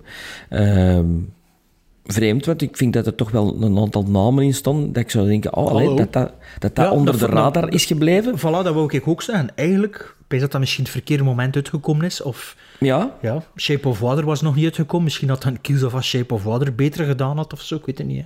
hè. ja. Het is, dat het was is, wel ja. een paar jaar later natuurlijk, maar... Ja, maar het, eh, ik vind het wel een hele goede casting. Ehm, ik vind dat alle acteurs die je er ziet, Vincent Cassel, Toby Jones, Salma Hayek, John C. Reilly... die, die introductie van Vincent Cassel. Ja, maar elke introductie van, van Ja. elk personage is... Maar ze passen er allemaal in. En denk ik van... Fucking goede casting. Want al die acteurs passen in dit universum. Toby En- Jones, die wordt zo vaak goed gecast, vind Ja, ik. ja. Maar dat is zo'n goede Ja. acteur. Ja, Dat is zo'n ja. goede acteur. En na weer, na weer Toby Jones in zijn openingsscène. Geen tekst, maar gewoon met Ja, blikken ja. en met... is- Ik vind, dat, ik vind dat echt om duimen en vingeren af te likken. Ik had net eh, David Cronenberg gezegd. En wie nog? Del Toro. En, Del eh, Toro. Fellini, voor de, Fellini, dat weet ik niet, want Voor de ik- filmstudenten onder ons. Ja, ik ken Fellini niet zo goed. Eh, Cronenberg heb ik misschien te weinig van gezien. Del Toro vond ik er ook in terug. Maar ik heb nog drie andere regisseurs. Sorry, vier andere regisseurs die ik eh, Oh, erin terug heb gevonden. Ik vond in de, het verhaaltje met de, met de lelijke zussen... vond ik een hele grote Sam Raimi terug. Eh, Mhm. Qua look and feel. eh, Dat het aan Drag, to, Drag Me to Hell dit denken of zo. en, en, en Evil Dead zelfs. Zij, Ehm. maar, hebben jullie een van die zusjes niet herkend? Natuurlijk, dat Bunty. Ja, Bunty. Bunty. Bunty. Nee, wie was Ja, ja. Bunty? Dat was onlangs, hè? Wie was dat weer? In. Filt. In Filt. Ah, ik ja, had ja, ze, ja. Maarten, ik had ze direct herkend aan Haar stem, ogen. ah, ene keer dat je, die, die stem linkte voor... Ja, ze, ze, ze mocht nog 20 kilo schmink of... Ja, Ene keer dat Bunty die... dinges van, eh, van in Star Wars, dat Sven die kende? ja, ja, dat ja. Frik, frik. Frik, babbel, frik. Maar wel, maar eh, ik denk, na Filt kon ik die altijd herkennen nu, omdat hij daar zo'n sterke indruk heeft nagelaten. Dus het was plezant om die te zien. Shelley, hoe heet ze nou Of Shirley? Shirley Henderson. Shirley Henderson, ja. Eh, dus eh, Sam Raimi, Wes Anderson, de, het stilisme. Ja, Ik, wel, ik, ja, ik kan dat wel, aan, ik kan dat wel een beetje snappen. Elke keer als er een koning in beeld komt op zijn troon, zit hij zo in het midden en je hebt zo de twee wachten. Het is echt, er zit heel veel Symmetrie ehm, in. symmetrie in die film. Ja, maar dat vind ik niet... Vind, ja, oké. hoor. Ja, toch wel, toch wel. Paul Verhoeven, Ja. want Flesh and Blood zit er heel... De sfeer van Flesh and Blood zit er, zit er helemaal in. En ik heb niet veel gezien van de man, maar hetgeen dat ik van hem heb gezien, van Mario Bava, ik vond daar heel veel eh, Black, Black Sabbath in terug. Ja, Black Sabbath heb ik niet gezien, maar Mario Bava kwam ik wel niet veel tegen. eh, Ja, qua in- in kleuren, in kleurenpaletten en zo. Ja, maar Bij dat is ook wel een beetje de Italiaanse cinema tout court. Ja, Ja. enfin, dat Dus- waren mijn filmschoolreferenties die ik erin terugvond. Ehm wat dat mij ook heel hard opviel, is dat het volgens mij inderdaad middeleeuwen, barok, ja, zelfs, zelfs nog een beetje later. Ik zou ook later zeggen dan de middeleeuwen. Ehm, maar het is wel, je voelt heel goed, de drie koningen zijn representatief, al heeft koningin en twee koningen, zijn representatief voor het Europa van toen. Je hebt het Spaanse hof, Salma Mm. Hayek, je hebt het Franse hof, Vincent Cassel, en je hebt het Engelse hof, Toby Brit. Jones. Ja. ja, ja, ja. ja, ja. Goed En de drie, ja? de, de drie manieren waarop dat ze omgaan met hun hofhouding. Eh, of eh, de Franse, dat is poepen, poepen, poepen. En die, eh, pff, kan niet op. Allemaal zo wat chaos. Eh, de Britse dingen is zo, ja, de, de family traditions. Maar Ja, die, de die, traditie en, het, eh, ja, ja. en het, het gezichtsverlies niet willen leiden en zo. ja, Ja, En, en, en het Spaanse hof is dan zo meer de... de, de, Fury. de- ja, de, de koningin die zo zei van... "M- Mijn wil is wet en, en, en ik ben een vrouw aan het hof. Ik vond dat heel goed gevonden. Eh film heeft mij geen moment verveeld. Geen moment. Ik denk dat dat vond, ook moeilijk is, eerlijk gezegd. Allee, ik, Ja, ik maar kan, kan- dat, dat kan Eh, natuurlijk in het begin kan altijd. het een klein beetje zijn. Dat klein begin kan ik een klein beetje sneller gaan, denk ik. Toen het moment dat ik gaan slapen zijn, dat ik, dat ik dan merkte dat het verhaal Ja, pas echt na 40 minuten Met elke. Maar... met elke scène en elke plotwending had ik zoiets van... Wauw, oh wauw. Och, dat heb ik nog nooit niet gezien. Amai, dat is tof. Amai, dat is een wereld... Oh, goed gevonden. En alles past erin. Alles, alle kostuums passen erin. Alle, zelfs alle beesten die erin rondlopen, die, die grote koeien in het begin. Dat past, dat past allemaal. Dat is echt zo goed over nagedacht. hè? ja, Ja, dat is die- heel Die boom, ah ja, die een boom komt er water uit. Ja, Ja, tuurlijk doet dat. Ja. Ja, en ook die, die, die, die onderwaterscène in het begin. Ik dacht ook effectief eerst, dat is een echte leguaan die er ligt. En dan gaan Ja. ze dicht. Oh nee, het is toch een, een, een monster gecreëerd. Want ik dacht ook zo, gelijk in de 50s, hè, zo een grote leguaan Ja, uitvergroot. ja, ja, ja, ja. Maar- Superimposed, ja. Maar het marcheert allemaal. En de decors ook, die, die, die, die, die- dat labyrint en zo. Ik vind dat echt ja, zeer goed gedaan. Een heel mooie ontdekking. En ik, ik ga proberen van hem eh, eh, op een soort van Blu-ray kwaliteitachtige iets te vinden. Is dat, eh, is dat ook niet zo Arrow, maar de, de gewone reeks van Arrow die die uitgebracht heeft? Niet Video of Academy, maar de Ik gewone... weet, ik, weet, het, ik weet het niet. Ik zei het, ik heb, er een, ik heb een DVD van Artificial Eye, van Artificial Eye, wat dat toch ook een boutique label is. Maar ik weet eigenlijk eerlijk gezegd niet verder op wat voor drager dat die allemaal verschenen is. Nog welke, allee, door welke distributeur. Maar Arrow heeft dat nooit niet uitgebracht, volgens mij. Ja, maar zo, het er zo, Arrow had ook zo nog gewone dingen dat ze uitbrengen. Ik dacht dat dat daar een deel van, van, die, Ja? van die gewone films is. Ja, maar, ja, of misschien Eureka. Of is het Eureka die ook gewoon dingen uitbrengt? Ja, Arrow, Eureka Arrow misschien. ook, Arrow ook. Ja, ah, wel ja. Da- ik dacht dat dat bij een van die twee eh, uitgekomen is. Maar pak me er niet op eh, als het niet zo is, natuurlijk. Ik heb, ik heb niet superveel nog toe te voegen, omdat ik, terwijl dat jullie bezig waren eigenlijk ook al, ehm mijn zagje wat gedaan hebben. Ik vond, ik vond, ik ben, ben heel blij dat ik, dat ik die gekozen heb. Ik zei het, was al eentje die al lang zo, ja, ik zou daar eigenlijk, ik moet nog verder kijken, ik zou daar eigenlijk... En, en, en ik ben heel blij dat ik dat gedaan heb. Het is, het is inderdaad... Eh, dat begin onder water met, met John C. Reilly is eigenlijk een heel goed voorbeeld, want het zou, het zou heel snel oninteressant kunnen geworden zijn, die film. En zeker dat segment. Maar je gaat er precies in mee. Zelfs de shots dat je door de helm aan het kijken bent van, van, van, van John C. Reilly, dat je amper iets ziet, dat zou heel snel durven tegensteken. En toch blijft dat boeien.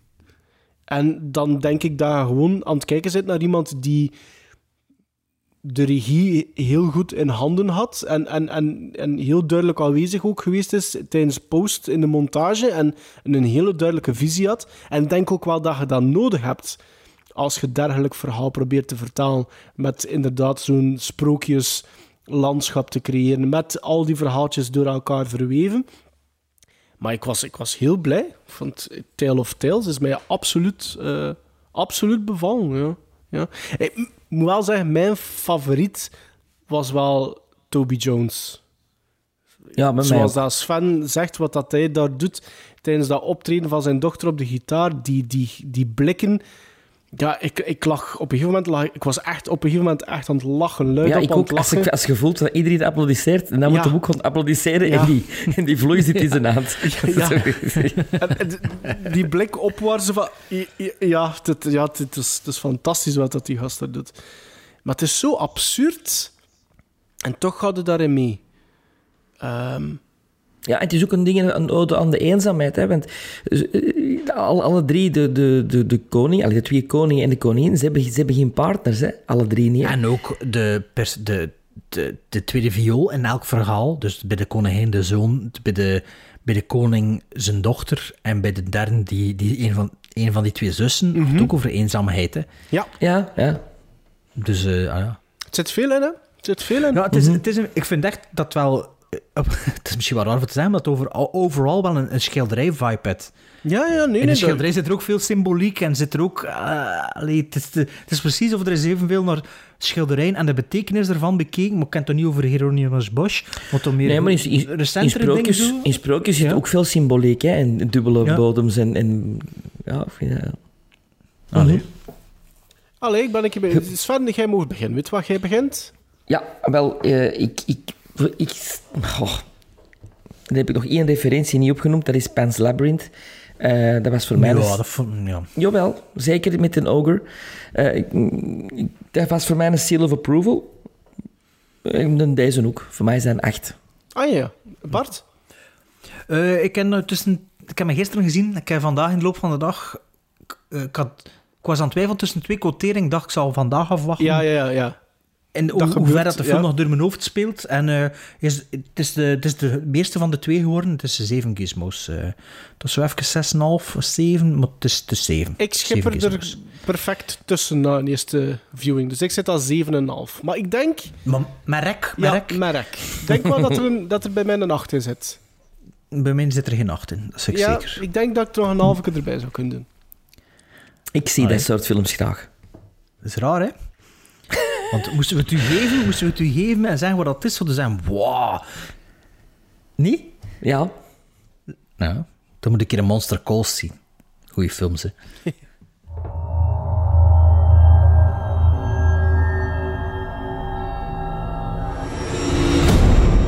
Every new life calls for a life to be lost. The equilibrium of the world must be maintained. Are you willing to accept the risk?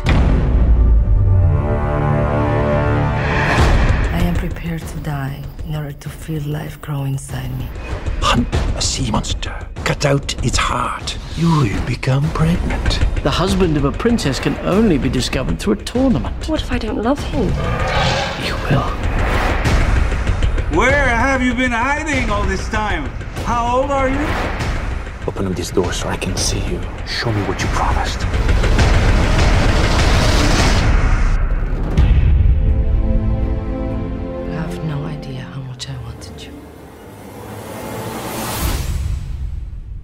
Dus wanneer deze aflevering online komt, zijn we de hoeveelste? Geen Is er idee. iemand? Eh, dan- de de dan vier- dacht- dan- 4 25ste. De 25ste. 24 de 25 is een 25. dag voor vastenavond. Wel, de 25e. En de volgende aflevering komt op 10 maart online. En 10 maart, dat is eigenlijk vier dagen van 14 maart. En 14 maart is drie maanden verwijderd, vier, eh, vier maanden verwijderd van de 14e juli. De Franse Nationale Feestdag. en het is dus tijd voor eindelijk een keer wat openstaande rekeningen te verheffen. Dus de volgende aflevering doen we de Franse Slag Part 2. Talk, talk about the stretch. Ja. Ja, dus de Franse Slag Part 2, want van Sven, we- wegens tijdsgebrek, zijn we maar aan één film toegekomen destijds, van uw Franse. Klopt. En er was nog een Franse film dat Sven ooit moest zien van ons, want nooit Amélie. gezien het. Amélie. Dus we gaan de Amélie. volgende aflevering naar een film van 1969 die Sven ons ooit opgelegd heeft, maar dat we niet aan toegekomen zijn. Kijken, Le Clan des Siciliens van Henri Verneuil met Jean Gabin, Alain Delon en Lino Ventura. En we gaan kijken naar een film van 2001 van Jean-Pierre Jeunet, Le Fabuleux. Destin, Destin d'Amélie Poulain. Dus eh, voor de volgende keer gaan we twee Franse films en Sven, je mag één dat wij opgelegd hebben en wij kijken één dat jij opgelegd hebt. Voilà, hè. zo is dat. Omdat je zelf ook nog niet gezien hebt. Hè. Nee. Voilà. Le Clan de Dus, eh, Sicilian, dat ook nog niet gezien. Nee. Oké.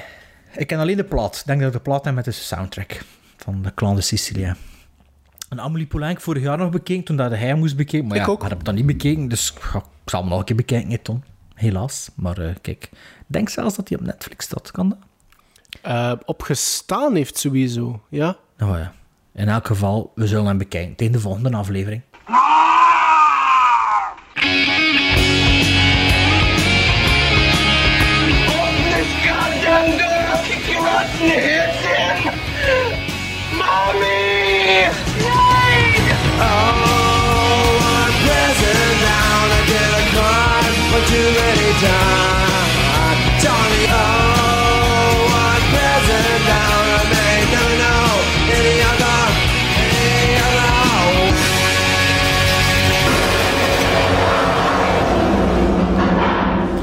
Prison Bound.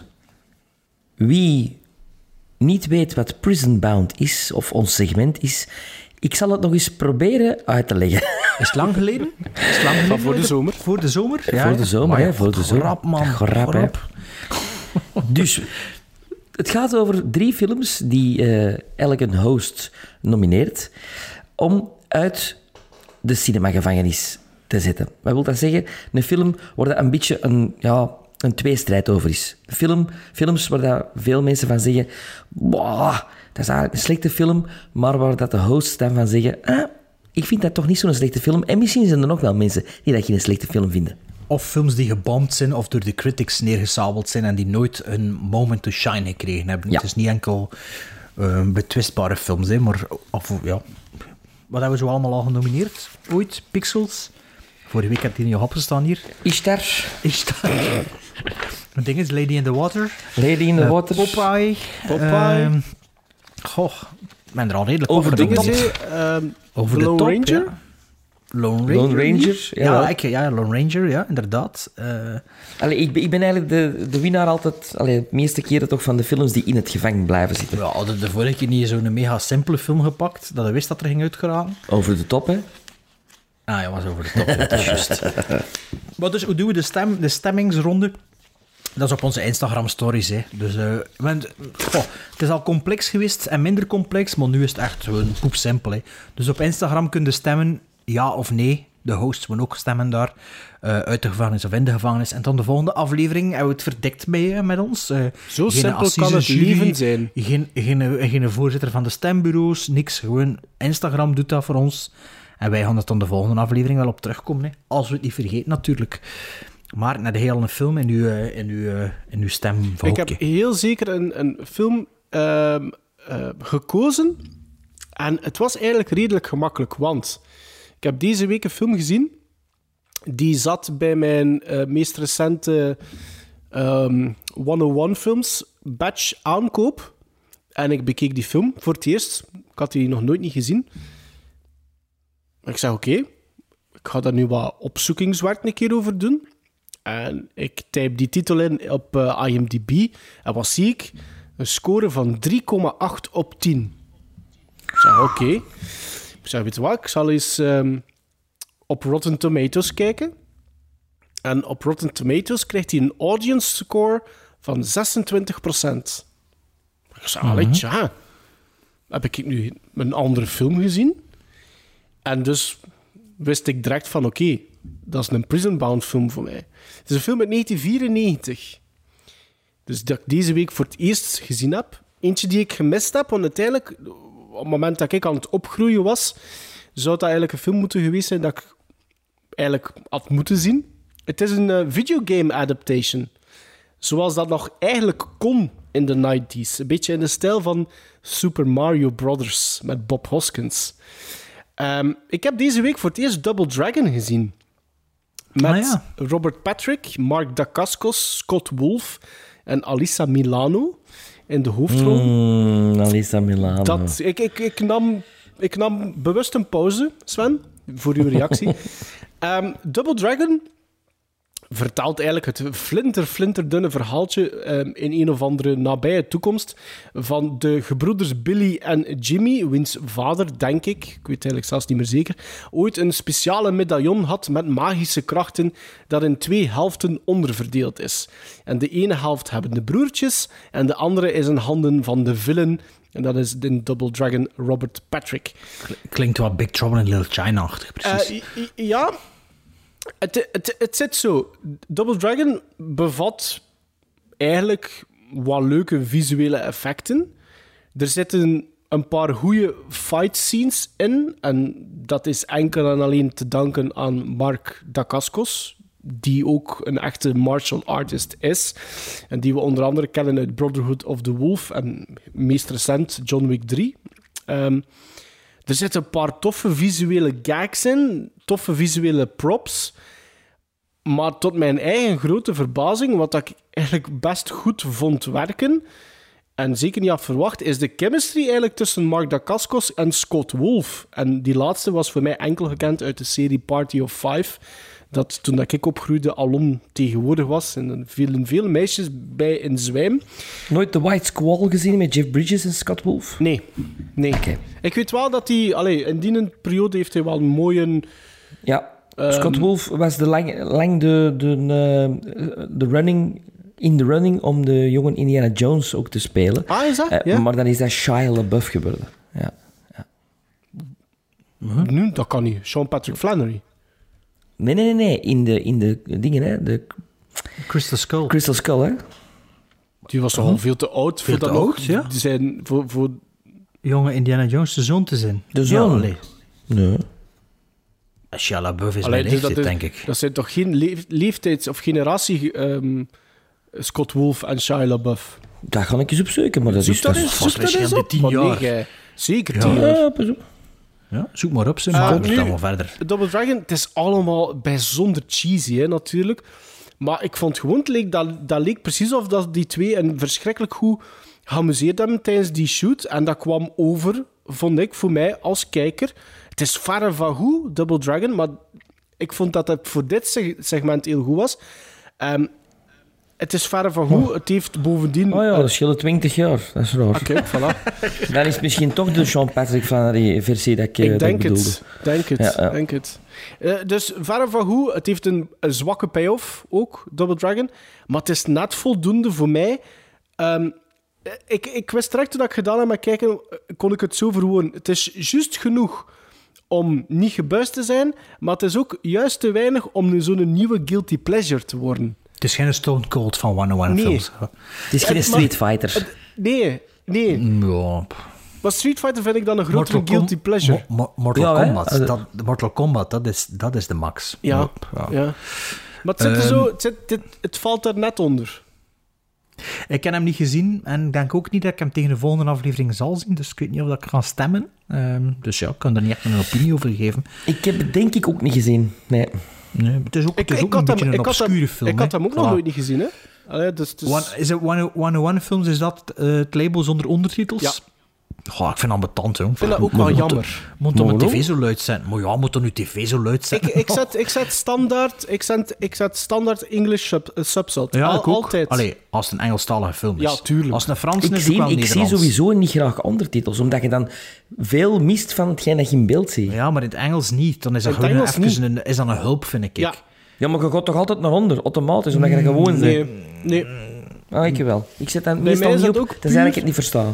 Bij mij is dat ook... Maar ik, ik begrijp nogthans alles, maar het is Ja, gewoon ik ook, puur dat is die gewoon het zekerheid. Ja, Ja, het voilà. ga- dat hem iets relaxter aan het zien zijn. Ik, ik doe dat ook wel. Ze. En like, met die one-on-one films, ik heb er al twee bekeken. En dat is toch altijd zo, oh, jammer dat er daar nu gewoon geen Engelse ondertitels bij staan. Ik zou al meer op mijn gemak zijn, want soms ja, is dat dan een 5.1 klank op een Blu-ray. Ja. En als je geen 5.1 hebt, ja, dan zit er met zo'n brak geluid eigenlijk. Hè. Dus ja, dus dan heb ik toch liever wat ondertitels. Dat een dialoog dan niet gewoon uit je boxen komt, dat het toch iets van leidraad heeft. Sven, heb je ook een Prison Bound film dat niemand kent? Of, Ja, wel. of denk- heb je, heb je weer voor de gemakkelijkheidsoplossing? Nee? Hebben, absoluut hebben we in de voorbijgaande twee afleveringen nog zoiets, een film gehad of zoiets? Dat, dat je wist van... Ja, ah, meest- ja. me- meestal is het van een aflevering ervoor of zo, inderdaad. Nee, toch niet. Toch niet, toch niet. Oeh, Ja, zijn het benieuwd. is een film uit 2002. Oh, kijk.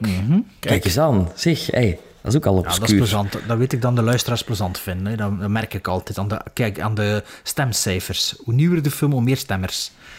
Hij krijgt op IMDb 6 op 10. oké. Ehm, eh, bij Rotten Tomatoes 29% Oef. Ja.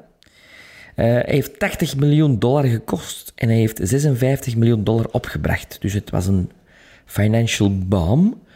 Het is een van de eerste films van eh, het DreamWorks-universum. Universum. En het is een remake. En wie speelt de hoofdrol? Hoofdrollen?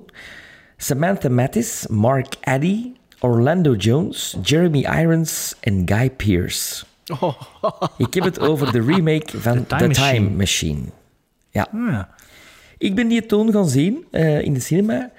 Eh, ik heb nooit de oude versie met Rod Taylor gezien, maar ik wil die wel al heel lang zien. Maar ik was vanaf het begin helemaal mee met de muziek, de prachtige muziek eh, van Klaus Badelt. Een van zijn eerste eh, eh, ehm, ja, grote werken eigenlijk, de man van de Pirates of the Caribbean daarna. Het was ook geproduceerd door Spielberg en je voelt dat direct in het begin van de Time Machine, hoe, hoe, hoeveel budget dat erachter zat. En dat is echt wel een film een visionair, ja, H.G. eh, Wells, eh, altijd visionaire thema's gehad, maar dit zeker. Want het gaat over het eh, ontginnen van de maan ook, op een gegeven moment. En de maan dreigt kapot te gaan, waardoor dat de aarde natuurlijk ook helemaal uit zijn, uit zijn spin, uit zijn ritme gaat. Ehm, maar de premisse is de man die zijn vrouw verliest door een doodgewone eh, robbery op straat in, de, in 1800 en zoveel. Ehm, en niet over dat verdriet heen kan. En dat is de professor. En dus zoekt naar hoe kan ik mijn vrouw eigenlijk terug tot leven krijgen door te time travelen misschien. Door een time machine te maken. Eh, en dan gaat hij in plaats van naar het verleden, naar de toekomst. Ah ja, Ja. oké. Door Maar de toekomst, die hadden de toekomst vanuit het einde van de 19e eeuw. Had hij naar de toekomst? Is dat dan ook in het verleden voor ons of nog in de toekomst voor ons? Dat is nog in de toekomst voor ons. Ah, oké. Ja, want dan zijn ze aan de maan aan het ontginnen. Ja, oké. maar zou kunnen dat in dat H.G. Wells universum, dat is de maan al ontginnen in eind 1800 en bijvoorbeeld. Hè. In, dat, in dat universum. Maar dat is niet het geval. Nee, nee, nee, want het begint in het H.G. Wells tijdperk. Ja, ja. Het is, het is niet Samantha Mathis, hè, die daarin meespeelt. Zeg ik Samantha Mathis? Ja, Samantha Mumba, denk Mumba, ik. excuseert, ja. excuseert. Samantha Mumba, ja. ja. Black or dat- Sven. Ja, ja, het is dat. Ik vond dat een hele toffe film, ehm, die een beetje toen ten onrechte eh, is neergesabeld geweest, zowel door pers als door publiek. En ik vind dat zeker een film die een tweede kans verdient. Ehm, al was het maar voor de prachtige muziek van Klaus Badelt. Ik heb die ooit, denk ik, gezien.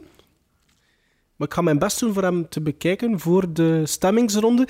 Maar ik ben niet zo'n grote fan van Mark Addy. Ik vind die... Maar die nemen een klein rolletjes, hè. Ik vond die in Full Monty vind ik die goed. Maar zo wat alles wat ik daarna nog van hem gezien heb, ik vind Oké, die niet maar zo Mark goed. Addy is na een kwartier weg. Want Mark Addy blijft in, in, acht- in 1800. Je gaat niet mee met de time Oké. machine. Ja, maar je hoort de- hem misschien Mark. Mark, Mark Addy is een Denholm Elliot van dienst in de Raiders films. Ja, ik, eh, ik heb die film ook niet gezien. Eh, ik heb even gezien of dat ik hem misschien al een keer gekocht heb op zo'n rommelmarkt. Want dat is de National Treasure dat ik een keer gekocht heb. En, eh, Nochtans ding ook veelvuldig te vinden, hoor. Ja, ja, maar ja, het is daarom dat ik ook twijfelde. Dat is waarschijnlijk... Ik dacht eh, afgelopen zomer op één of twee of drie rommelmarkt dat ik zo meer of 15 films gekocht en dat hij er wel tussen zat. Maar het is de Librarian dat er tussen zat. Met, Oh. is, dat met, is dat Matthew McConaughey? Nee, Noah Weil. Noah Ah, ja, die- Ik heb, ik heb de Librarian McConaughey 1, van 2 en Aldi. 3. Je hebt drie librarians, hè? Ik wijs ook dat er twee zijn in één doosje. Ik weet het niet juist. ja, eh. ja, ik of heb- dat is de National Treasure dan er twee in een doosje zijn. Of de Mummy. Dat kan Maar ook de, zijn. Ik weet de het niet. Librarian is zo wat, is zo wat National Treasure van de Aldi, zo, hè? Ja, ja, ja. Zo, Met, de, de, National Treasure van is de een Aldi. tv-film. Zo'n zondag, zondag tv-film toch meer, hè? Die vibe. Ja, maar National Librarian, Treasure. Librarian. Librarian is niet slecht, hè? Dat Maar- is echt slecht. Ik heb dat eigenlijk gekocht voor met mijn, met mijn, met mijn kinderen te kijken, met mijn Ja, zoons te kijken. ja. Omdat ze, om- allee, ze kunnen al een beetje ondertitels lezen en zo. En dat zijn van die films die wel... Like National Treasure vond die ook plezant, dus ik had die ook nog niet gezien. Maar National Treasure of the Librarian heb ik dus niet genomineerd. Ehm, de, even nog over de Time Machine. Eh, ik kan hem dus niet bezien, ik heb geen tijd. Ehm, maar ik zou die ook wel eens willen zien. Al ik hem nu op DVD had, had ik hem al ergens erin geduwd van de week. Maar eh, het zal er niet van komen voor, eh, voor hem nog te gaan vinden. Ehm, mijn film is een film van 2013. Misschien dat er nog meer mensen zijn die die gezien hebben. Ehm, en het is een klein beetje actueel. Het sluit ook een beetje aan met wat we al in deze aflevering gehad hebben. En het is ehm, een film dat gewoon meer is dan gewoon een adaptatie of een remake of een hervertelling, ik kan het zo zeggen. Ehm, zeker in vergelijking met hetzelfde genre films uit dezelfde periode. Het is een film met, eh zou ik dat al zeggen, met Famke Janssen, Gemma Arterton en Jeremy Renner. Het is een live-action sprookje die gemaakt is ten tijde toen dat ook Snow White en The Huntsman uitkwam, Jack the, the Giant Slayer, Maleficent, zijn er nog een paar ik vergeten zijn. En het is ook een film die nu in de cinema speelt. Nee, een verhaal die nu in de cinema speelt en die ook wel wat waves maakt. Namelijk Gretel en Hansel speelt nu in de cinema. En de film dat ik het over heb is een film van 88 minuten van Tom, Tommy Wirkola, de regisseur van Dead Snow en Dead Snow 2, genaamd Hansel en Gretel Witch Hunters. Ah ja, ik weet dat je daar fan van bent. Ik zal een keer eh, de synopsis eh, voorlezen. 15 jaar na... Wacht, ik kan mijn trailer voice doen, hè. 15 jaar na het traumatische incident bij het Gemberkoekhuisje, waarbij ze bijna het leven lieten, zijn de tweeling Hans en Grietje volwassen geworden. Ze zijn nu gespecialiseerde premiejagers die op jacht zijn naar geksen. Een van die heksen terroriseerde hen al op jonge leeftijd. Als zo doen ze dat in trailers. Dus eh, ja, heksen. Eh, nee, Hansel en Gretel Witch Hunters. Ik heb dat ooit een keer van zo'n Playmore of, of Prime destijds een keer opgenomen, denk ik. En ik heb dat gezien en ik vond dat mega fun, die film. Van begin tot einde. Ehm, Pre-podcast, ik zag het en ik dacht, had ik toen al Letterboxd en effectief.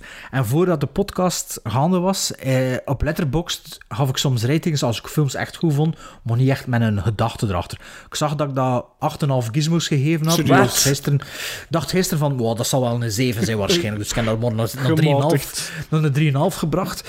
Ehm, maar ik wil hem eigenlijk wel nog een keer opnieuw zien, voor te zien of dat misschien toch een 8,5 is. Het is ook in de tijd, dat is nu al minder, dat, dat ze zo 3D-films maakt. Het is een 3D-film waarbij dat ze nog zo die typische shots doen. Maar dat zorgt voor een vrees Sam Raimi-effect. Ah, ja, Daar is ja. hij weer. En Hansel en, Gre- eh, Hansel en Gretel Witch Hunters doen me het meest van al denken aan Evil Dead. Dus echt...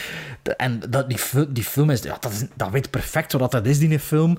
Dat pretendeert ook niet meer. Maar dat er wel een goede balans tussen de serieus van de personages die wel geloven dat er gebeurt en het gevoel voor de, dat je als kijker wel hebt en dat de regisseur ook wel mee is eh, on the joke. En eigenlijk is, is het een soort Evil Dead film dat eigenlijk... Dat kan je niet... dat- ja, is dat geflopt? Nee, ik denk dat dat vooral onder de radar gebleven is. Of zo... Ja, Dat vind ik niet zo. dat, ja, dat is uitgekomen en dat is weer weggegaan. Iedereen dacht, ja, weer zo'n film.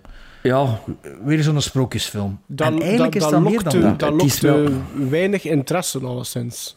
ik vond dat heel slecht. Beetje ik vond dat Hansel en Ja. Gretel? Ik vond dat een... Ja, ik, ik weet nog dat ik Van Helsing zoiets heb teruggezien.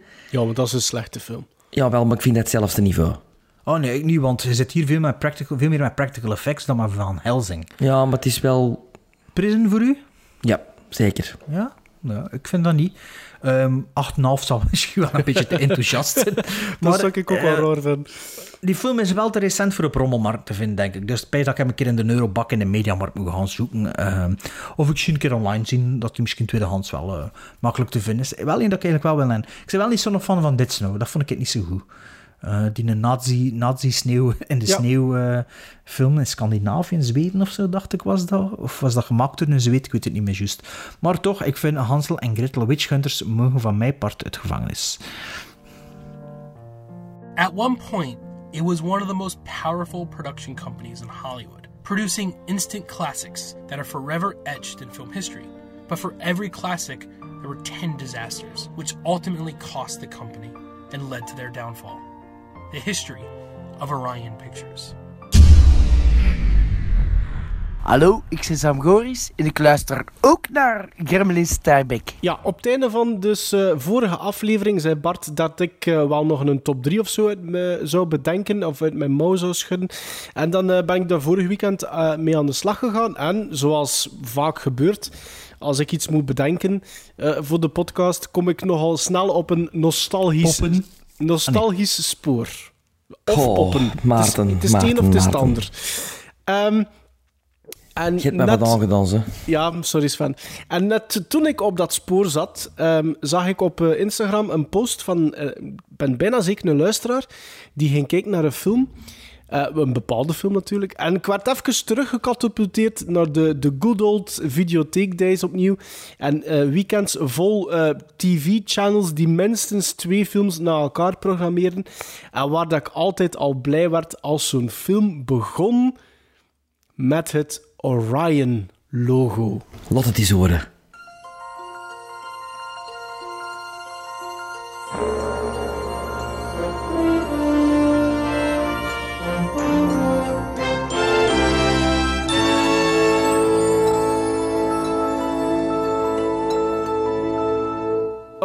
Pictures dus. Orion Pictures had een, eh, een eerste periode, laten we maar zeggen, tussen 1978 en 1999, waarin dat er zes films genomineerd werden voor een Oscar voor Best Picture en ze vier van die zes nominaties effectief verzilverden.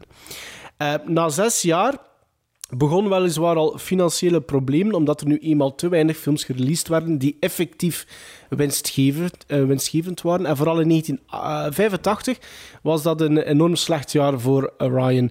En tussen 86 en 88 ging het weer iets beter, hoofdzakelijk door een kwaliteitsinjectie. Maar van En- toen tot en En met door de zeven- videotheken ook, hè? Ja, maar, ja, maar in, hoofdzakelijk omdat er een, eh, een nieuwe investeerder eh, gevonden was. Oké. Ehm, maar dus van toen tot en met 97 bleef het eigenlijk bijzonder wisselvallig. Ehm, in 91 werden ze voor het eerst bankroet verklaard. Maar door het verkopen van projecten en een reorganisatie bleven ze dan nog tot 99 films uitbrengen. En toen viel het doek echt over Orion Pictures. Maar sinds 2013 is Orion terug, laten we maar zeggen, maar terug tussen aanhalingstekens. Eerst de televisieafdeling, en later opnieuw het distribueren van kleine films onder de noemer Orion Releasing, samen met Momentum Pictures. En dan in 2017 tenslotte bracht MGM het Orion volledig terug als standalone brand. Nu, voor deze top 3... Maar nu... Zeg, zeg ik de naam van de top 3? Maar, maar, maar nu is Gretel en Hansel... Is het Orion? Ja, dat wou ik nog zeggen. Even, komen dat, sorry, even terug naar dat juist gaan. Schijn is dat wel goed. Dat schijn is dat goed, hè? Ik hoor daar ook dat superlatieven over. Zo. Ja, toen, dat- toen dat ik dat zo las, waarom is dat niet Hansel en Gretel, dacht ik ook van, moet dat nu echt omgekeerd zijn? Maar misschien is er een reden voor, ik weet het niet. Maar ja, dat is, maar dat is, maar wel rap zijn, hè. dat is gedistributeerd door eh, KFD, hè. dus ik weet niet wat er nog lang gaat spelen. En ik zou misschien van het weekend nog willen gaan, maar... Enfin, het is van Orion. Ah ja, Goed. cool, cool. Goed. Ehm, maar dus voor deze top 3 gaan we het enkel hebben over die eerste periode, dus tot en met 99. En we kennen misschien wel de meest bekende titels die Orion heeft uitgebracht, namelijk een Robocop, eh, bijvoorbeeld of The Silence of the Lambs, eh, First Blood. Maar nu, Dances with Wolves. Dances with Wolves. Maar nu gaan we dus Burning. elk drie vergeten films aanhalen van dat label. En een beetje vaag misschien qua omschrijving. Eh, maar ik vermoed dat we er toch elk drie hebben gevonden. Hè? Eh, de omschrijving was wel langer, hè? De, de, de, de volledige titel was hij gestuurd Top naar ons? 3 vergeten films gereleased door Orion Pictures. Titels voor 2000, dus voor de revival. Dat was de volledige omschrijving. Ja, ja, En Sven, Maarten, ja, jij hebt mij iets aangedaan. hij wordt blij, maar, maar hij had er wel wat werk in moeten steken, denk ik. Ik was heel blij, omdat dat een label is dat mij ook heel nauw aan het hart ligt. En, maar ik heb toen echt de lijst gaan opzoeken. Ja. Ik heb jij had daar tweede- heel ik- veel van Ik gezien heb maar een tweede canon gevonden. Ja, dat zag wel. ja, dat is... Allee, ik, ik wist niet dat dat allemaal van Orion was. En dat is dus na Canon, inderdaad, ik denk mijn favoriet label geweest in de jaren tachtig. Dus dat Maar maakte ik was het echt, ik was super echt moeilijk. ik, als, als kind, als ik, ik bijvoorbeeld naar de videotheek en ik kwam thuis met, en ik stak die band erin en dat was Orion logo, ik was giddy, hè. Ik, was, echt- Ja. ik was precies al blij. Ja. Ehm, Is dat ook Alien? nee. Nee, dat is Fox. 20th Ah, Century ja, oké. Fox. Ik dacht dat, dat Orion... Ah, nee, dat logo van Orion trekt een beetje op Ja, Alien. maar pas op, hè, want- die sterkes, zo, eh, ja. Or- Orion was een, een, een onderverdeling van Paramount. Hè? Eh, Columbia, sorry, Columbia Pictures. Hè? Want op, de, op video werden ze uitgebracht met het labeltje van Columbia Pictures. Zo die cassette, dat je zo in het midden van de cassette van boven zo Columbia Pictures zet. En dan Ja. hadden zo Columbia Pictures bracht uit TriStar en Orion en Hemdale. Het, waren, het, waren, ja, het, was, het was Columbia en drie andere ehm, nog. En dat, dat vormde dus ehm, Ja. Orion. Ja. Oké. Maar dus verder, jij mag beginnen, hè, want... hè, Ik mag beginnen. Ik ik mag geen dubbelbeeld doen hè, op nummer drie. Hè. Maar wat doen we dat Jij wel, mag hè, doen maar wat ja. je wilt. Ja, maar het Ah, wel, mag wel niet te lang duren, hè. Nee, nee, nee, nee. Nee, Bart, zeg. dus ik heb, ik heb op drie een eh, double feature, een double whammy, omdat ik niet kon kiezen tussen die twee films. Waarom kan ik er niet tussen kiezen? Ze hebben allebei dezelfde hoofdrolspeelster. En het zijn twee films waar ik dus, ja, toen ik als kleine jongen daarna zag, in 86, voor het eerst deze actrice leerde kennen en daarna in de videotheek een andere film zag staan in 87 met deze actrice, ik compleet verkocht was voor de rest van mijn leven aan Melanie Griffith. De eerste film die ik dus met haar zag is Something Wild. Een film van de betreurde Jonathan Demme met eh, Jeff Daniels en Melanie Griffith en Ray Liotta in de hoofdrollen. Ehm wat maakt Something Wild zo speciaal? Something Wild gaat over een ja, Something Wild, zijnde personage van Melanie Griffith, die eh, een eh, nerdachtige eh, burgerlijke type van Jeff Daniels mee op sleeptouw neemt, zelfs mee naar haar verleden neemt in de auto. En het is een roadmovie. En ja, je kunt niet anders als verliefd worden op Melanie Griffith, haar personage. Ze speelt dat fantastisch. Cherry 2000 Ah, uit ja. 1987 Brengt brengt ons vorig jaar overleden of zo, of twee jaar geleden, die actrice? Melanie Griffith. Ah nee, die Cherry 2000 speelt. Of is Melanie Griffith dat Cherry 2000 speelt? Nee? Nee Melanie Pamela Gidley speelde Cherry 2000. Ja, en die is inderdaad overleden, Ja, ja, dat is waar. Dat is waar. Ehm, ja, dat is een futuristische, apocalyptische eh, film in het Mad Max-universum. Met dat verschil dat het eigenlijk gaat over eh, artificial intelligence. Zijnde eh, vrouwen die robotten zijn en die de mannen op hun wenken bedienen. Maar er is één personage, Cherry 2000, die kapot gaat. En eh, die man is er het hart van in en die wil zo'nzelfde model vinden eh, in de desolate woestijn. Eh, maar daar is natuurlijk de feministische Melanie Griffith die niet vindt dat vrouwen robotten moeten zijn en die er alles zal aan doen om dat te verhinderen. Fantastische science fiction film die zo cheesy is en zo, zo, zo quirky is, maar met zo'n mooie jaren tachtig kleuren en fantastische muziek van Basil Polidouris. Ja, Melanie Griffith neemt plaats drie van de Orion vergeten Volledig films. in beslag. Ja, volledig. Orion Pictures, eh, maar het stuurde dus eh, voor, stelde voor top 3 vergeten films gereleased door Orion Pictures, Pictures titels voor 2000, dus voor de revival. Orion Pictures ken ik natuurlijk, zeker van het logo en het daarnet gehoorde tuentje. Maar ja, vraag me niet wat hebben die uitgebracht, dus ik moest even researchen. Eh, ik nam de release-lijst erbij, voor 2000 natuurlijk, niet voor de revival. Tuurlijk. Eh, en ik zag heel veel titels dat ik kende. Heel veel titels die ook bekend zijn. Zelfs titels dat ik eigenlijk niet kende tot voor kort, maar ik ken een paar weken geleden van iemand quasi zijn volledige DVD-collectie gekregen. En daarin zat onder andere Johnny B. Good met Oh, Robert. Down- Robert je Downey dat?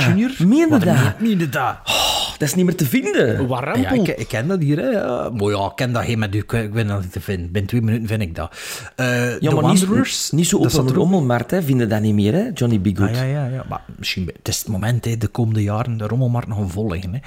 Eh, dus Johnny B. Good is met Robert Downey Jr. Ja, Mhm. de kaf Nee, en nog John- een bekende. Hè. Ja, dingen, dingen. eh, allee, Eh, de- Ferris Bueller. nee, die van Breakfast Club eh, en van Ah, ja, ja. Weird Ja, Science. ik ehm. ja, ja. Ik sla die door, elkaar soms, die twee. Eh, The Wanderers Michael, zat er Michael ook tussen. C. Anthony Michael Hall. Ja, Anthony Michael is Hall. Ja, ja, ja. ja, ja. Eh, The Wanderers zat er ook tussen. Something Wild, denk ik ook. Maar Ja. ik, zeg, ik heb zo'n zo'n bak gekregen. Ja, oké, ik ken die film. Die heb ik, Ik- nog. Maar, ik weet ja. het, ik weet het. De, de, de, salto heeft het gezegd dat je, dat je het hebt gekregen. Ah ja, die stond erbij. Shout-out naar de salto. die stond erbij. Ehm, maar dus... En toen zag ik de lijst en ik dacht van, ja, oké, eh, die films kende ik niet tot vorige week, maar kijk, dat is blijkbaar Orion. En toen zag ik ook heel veel films dat ik kende van de kaft in de videotheek. Rude Awakening, met de hippies die erop stonden. Ehm, Farewell to the King, dat ik denk ik ook wel ooit gezien heb met Nick Nolte Nick of met een ander, of Nick Tom Nolte. Berenger. Ja. Nee, Nolte. Ehm, en de opdracht was, vergeten films. Dus vergeten films, dat is niet Mississippi Burning, dat is niet Robocop natuurlijk. Nee. Toen ik zo de lijst aan gezien en dacht ik... Ik heb er niet veel van gezien. Ik ken ze allemaal, maar ik heb er niet veel van gezien. Oh, you're in for a treat. Dus, dus ik dacht, ja, moet ik hier nu een top 3 gaan maken? En wat ik gezien heb, is al zo lang geleden dat ik echt, echt niet veel meer van weet. Dacht, dus ik dacht, op straffen van jullie, ik zal een top 3 watchlist, one to watch, opstellen. En moet maar zien of dat, dat redelijk lijkt op wat, wat dat er aan te raden zou vallen. Tussen nog eens, En zaten, er, zaten er veel dubbels in die zak die je hebt gekregen? Van dingen die je al had? Nee, want ik had eerst voorgesorteerd, zonder dat ik gekeken had in mijn, in mijn app. En eigenlijk van de stapel die ik dacht die ik al had, was het al de helft, had ik nog niet ook. Dus en de stapel die ik dacht ik had, zat er maar één in, één in dat ik nog niet had. Dus het is echt... eh, Ja, als ik Ja. nou hoor wat er allemaal in zat, ja, wat moet er nog allemaal in gezeten hebben? Spijtig. Eh, maar ik heb, nog liggen, ik heb ze nog liggen, hè, dus je kunt er altijd een keer doorgaan. Maar eh, ik heb ze, ik heb ze, al, ze zitten al weg voor te verhuizen binnenkort, dus ik heb ze gewoon daarin gecasseerd. Johnny Ehm, B, goed zeg. Maar dus, ik heb dus een top 3 opgesteld. En dan als straf, als ik zelf een straf mag opleggen, moet jullie maar zeggen welke dat ik tegen de volgende aflevering moet zien. Ik zal het dan even kort bespreken. Ehm, ik heb ook een beetje een eclectische, verschillende dingen gepakt. Op nummer 3 staat een film die al lang op mijn watchlist staat, een cultfilm. Een cultfilm van Jay Levy van 107 minuten van 1989. Ik zal de synopsis eerst lezen voordat ik zeg wie dat er in meespeelt. En dat houdt eigenlijk, als ik zeg wie dat er in meespeelt, weten welke film dat is, als je een klein beetje van film kent. Eh beroepshalve is George een mislukkeling, maar in zijn dagdromen beleeft hij Indiana Jones-achtige avonturen en maait hij als Rambo heel rijen tegenstanders omver. Op een, dag, op een dag erft hij van een oom een compleet regionaal tv-station dat Oh. weliswaar op sterven na dood is. Met de hulp van zijn vriend Bob en de knotsgekke showmaster Stanley tracht hij het net weer, weer bovenop te krijgen. Hun doldrieste invallen en gekke, gekke grappen jagen de kijkcijfers de hoogte in. Tot groot ongenoegen van RJ, de baas van concurrent Channel 8. Die probeert voortdurend stokken tussen de wielen te steken. Wie speelt erin mee? Victoria Jackson speelt erin mee. Kevin McCarthy, bekend van Invasion of the Body Snatchers. En natuurlijk, zeg maar samen, Weird Al Yankovic. Weird Al Yankovic, dan heb ik het over UHF. Ja. Ehm, de film dat ik al veel oren vallen en, en ook allee, in andere podcasts, eh, Amerikaanse podcasts, een echte cultfilm. Stond al lang op mijn Een watchlist. cultfilm because it sums up the 80s. Wel, voilà. Ehm, Zelf nog nooit niet gezien trouwens. Nee? Nee. Ja, dat is echt absurd, maar, maar goed. Ja. Ja, dat is heel cult, hè. En Ja. ja, ja Yankovic, ja, dat is soms ook... Soms speel je, ja, dat is, eigenlijk is dat wat flow dat hij altijd doet, maar eigenlijk wat dat hij doet, is altijd wel goed. Als hij zo eh, Michael Jackson achterin of Nirvana of zo, ja, dat is een beetje een one-trick pony, maar dat is wel altijd deftig gedaan. En UHF, ja, dat heeft wel een goede, een, een serieuze aanhang, dus ik ben er wel benieuwd naar voor die eh, comedy.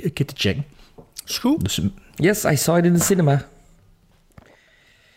Ja, hij heeft dat gespeeld in België, of in Ja, Amerika gezien. In Antwerpen. Nee, nee, in Antwerpen. Ja, ja. Ehm, ook ik natuurlijk nam gans de Orion Pictures release list eh, bij de hand. En ik had een beetje hetzelfde gevoel van Bart. Ehm, veel titels die ik ken, veel titels die ik ooit gezien heb, maar te ver, ehm, te ver in mijn geheugen zitten. Oh, ik ben echt- echt oud. Ik ben echt oud. Ik, ik, ik moet eerlijk zijn, Sven, ik, er zitten heel veel titels ook nog op die ik nog altijd moet zien. Dus echt heel veel films dat ik nog moet zien. Maar ik heb toch nog natuurlijk wel een top 3 kunnen maken. En ehm, ja, ik heb het gezegd, dit is de nostalgische kaart. En het heeft ook natuurlijk wel zijn invloed gehad op mijn top 3. En op top 3, op nummer 3 heb ik eh, de film gezet die ik eh, als kind vaak heb gezien. En die mij een beetje de, de, de verwondering voor het film maken heeft getoond. Omdat de film is een beetje meta. Ehm, omdat het een beetje een behind-the-scenes look is eh, op, een, op een filmset. En een bepaalde métier eh, tijdens het maken van, van films. Het is een film uit 86 van een uur 49 minuten. eh, geregisseerd door Robert Mandel.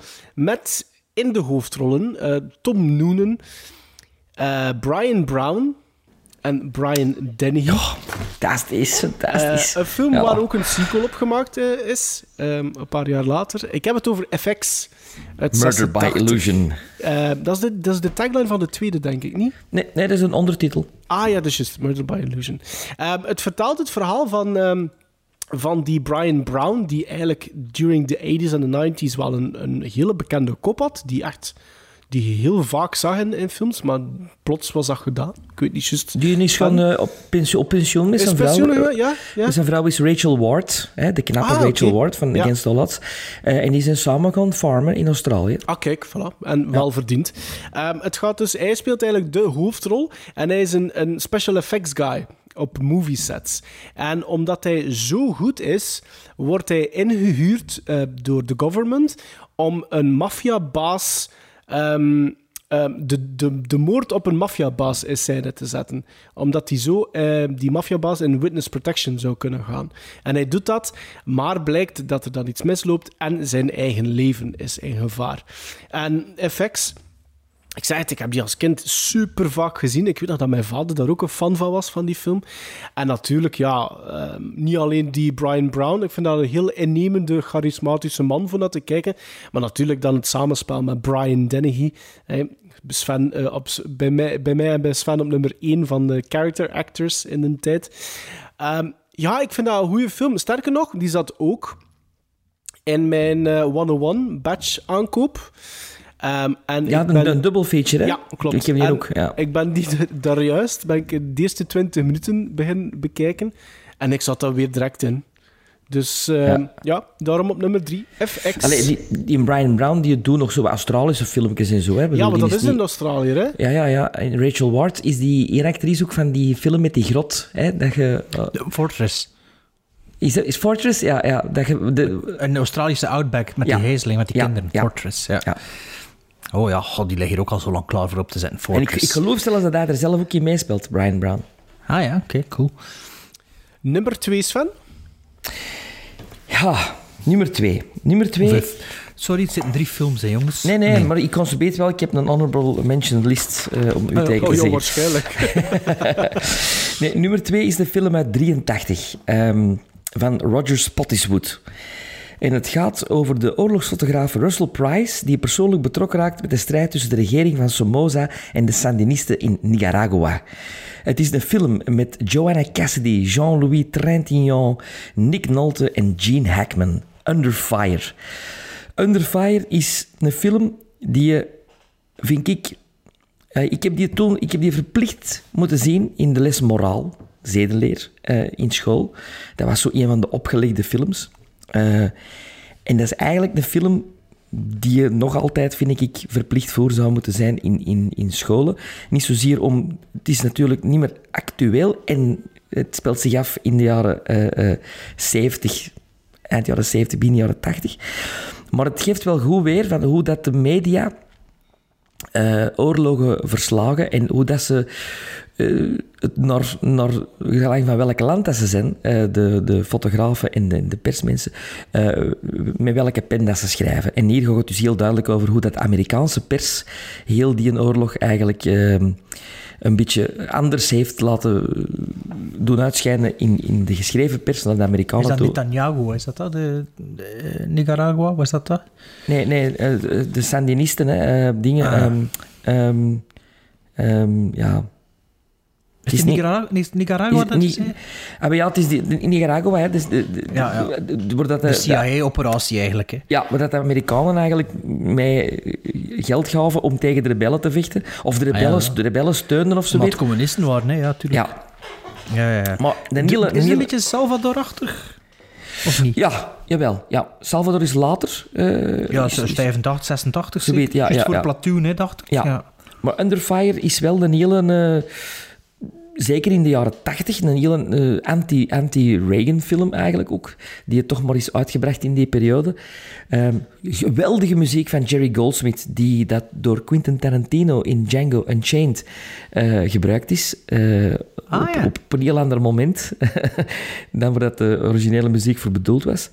Ehm, maar ja, dat is de film. Ik heb hem gekocht op... ehm, ik, eh, Ja, Eure- Eureka. Eureka. Ja, Eureka, en- denk ik. Ja, een prachtige transfer. Eh, echt, echt, ja, blijft een hele straffe film. Geen gemakkelijke zit. Je moet, je moet, dus het is een film waar je even, ja, goed moet bij volgen. Zeker omdat het een periode is die al lang geleden is en hoe, hoe zit de politieke situatie ineen. Maar ehm, knap gespeeld door alle acteurs. Ja. Toen me een beetje bij denken, ik weet niet of dat ik die film in het begin van onze podcast al een keer vermeld had. Ik weet dat ik hem in die periode gezien heb. Eh, Balibo met Oscar Isaac. Ook een waar gebeurd verhaal over zo'n journalisten. Nooit van gehoord. In, Tim, in Timor. Nou, Het is een obscure film, ik denk dat het een Australische film is. Maar ik kan die in de bibliotheek ook weer, toen dat, het is al lang geleden dat ik dat nog deed, maar dat ik in de bibliotheek zo wat films op de bots meepakt. En dat gaat over, dus in Timor, ook over de verslaggeving en eh, harde films. Hè. Het is, eh, ik ook, denk hè. ook dat het waar gebeurd Ja, dit dat, is ik ook denk een- dat dat waar gebeurd is. Een, een vrij harde film, een vrij waarheidsgetrouw ook, denk ik. Eh, Ed Harris speelt er ook nog in mee, was ik weer al nog vergeten. Eh, ja. Ah ja, ja. ja. Ehm, mijn, is dat mij? Ja. Yep. Mijn nummer twee. Ehm, mijn nummer twee is een film dat ik hier al klaar liggen heb. Dus als je een ding kiest, kan ik hem vanavond nog beginnen bekijken als je wilt. Ehm, het is een film dat, dat al vermeld geweest is in de podcast voordien. Ehm, en het is een film met Brian Brown en Brian Dennehy. uit Ja. 1986 van Robert Mandel, de regisseur van The Substitute. Ook een Orient Pictures film. Yep. Met de, dat is met Tom Barron. Ja. Of is dat met, Tom Berenger. Ja, oké. Eh, The Rage, Carrie 2 heeft hij ook gedaan. En veel, redelijk veel tv-dingen heeft die Robert Mandel gedaan. Het is dus inderdaad ook FX van Maarten. Dat ik hier ook van 108 in de double feature liggen heb. Ook nog niet aan toegekomen. Maar eigenlijk een beetje omdat de, jullie of jij maar, ik weet het niet meer, waarschijnlijk met de eh, character actors Ja. een paar keer vermeld had. En ik zag die dan ooit te koop staan. Dat ik dacht, ik koop die, ik bekijk die ooit. Kijk, en die staat op nummer 2 van mijn Orient Pictures Kijk Want to Watch As Soon As Possible list. Kijk eens, kijk eens. Bij mij op nummer 2 niet alleen een eh, vergeten film van Orion Pictures, maar ook een vergeten film eigenlijk van een horrorgrootheid. Ehm tijdens onze, denk ik, onze laatste Halloween special of zoiets had ik het over The Dark Half ehm, van George A. Romero. Maar er is nog een film van George A. Romero, die vergeten is, uitgebracht door Orion. En dat is Monkey Shines uit 1988. Ik weet niet of Is dat met dat aapknop? Ja, ik weet niet of Die dat jullie die Ja, ooit gezien hebben. Nee, ik, hoes. die bij mij. eh, ik heb die opgenomen van AMC. Ehm, die gaven ze door. En toen dat AMC eh, ging verdwijnen, heb ik nog zo'n heel hoop Ja, ja. opgenomen. Is dat Experiment in Terror? Is dat een ondertitel? Ja, klopt. Ja, oké, dan is het een die. Dan Die is, eh, denk ik, vorig jaar uitgebracht door Eureka. Ik heb die, die, die editie... Ik had de DVD al, maar ik heb die upgrade gedaan.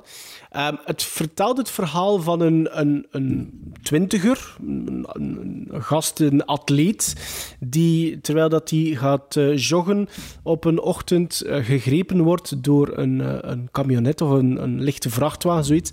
En daardoor verlamd ehm, raakt. Dus hij kan alleen nog maar zijn... van, van eigenlijk van ehm, onder zijn nek is die volledig verlamd. En hij heeft een, eh, een vriend die in een laboratorium werkt en eh, eh, experimenteert op dieren om dieren slimmer te maken. Ehm, en hij ehm, spuit aapjes in met een bepaalde vloeistof, maar op een gegeven moment... ehm, Sperma. nee, maar op een gegeven moment dreigt zijn onderzoek wat teniet gedaan te worden door een eh, jaloerse overste. En hij besluit van zijn slimste aap eigenlijk dosissen te blijven geven, maar hem aan zijn vriend te geven om hem te helpen in zijn eh, dagelijkse bezigheden eh, die hij niet meer normaal kan uitvoeren, omdat hij nu eenmaal in een rolstoel zit. En wat blijkt dat die vloeistof ervoor zorgt dat er een soort psychische band ontstaat tussen ons hoofdpersonage, die verlamd is, en het aapje. En dat aapje slaat dan ook wel aan moorden, zeker.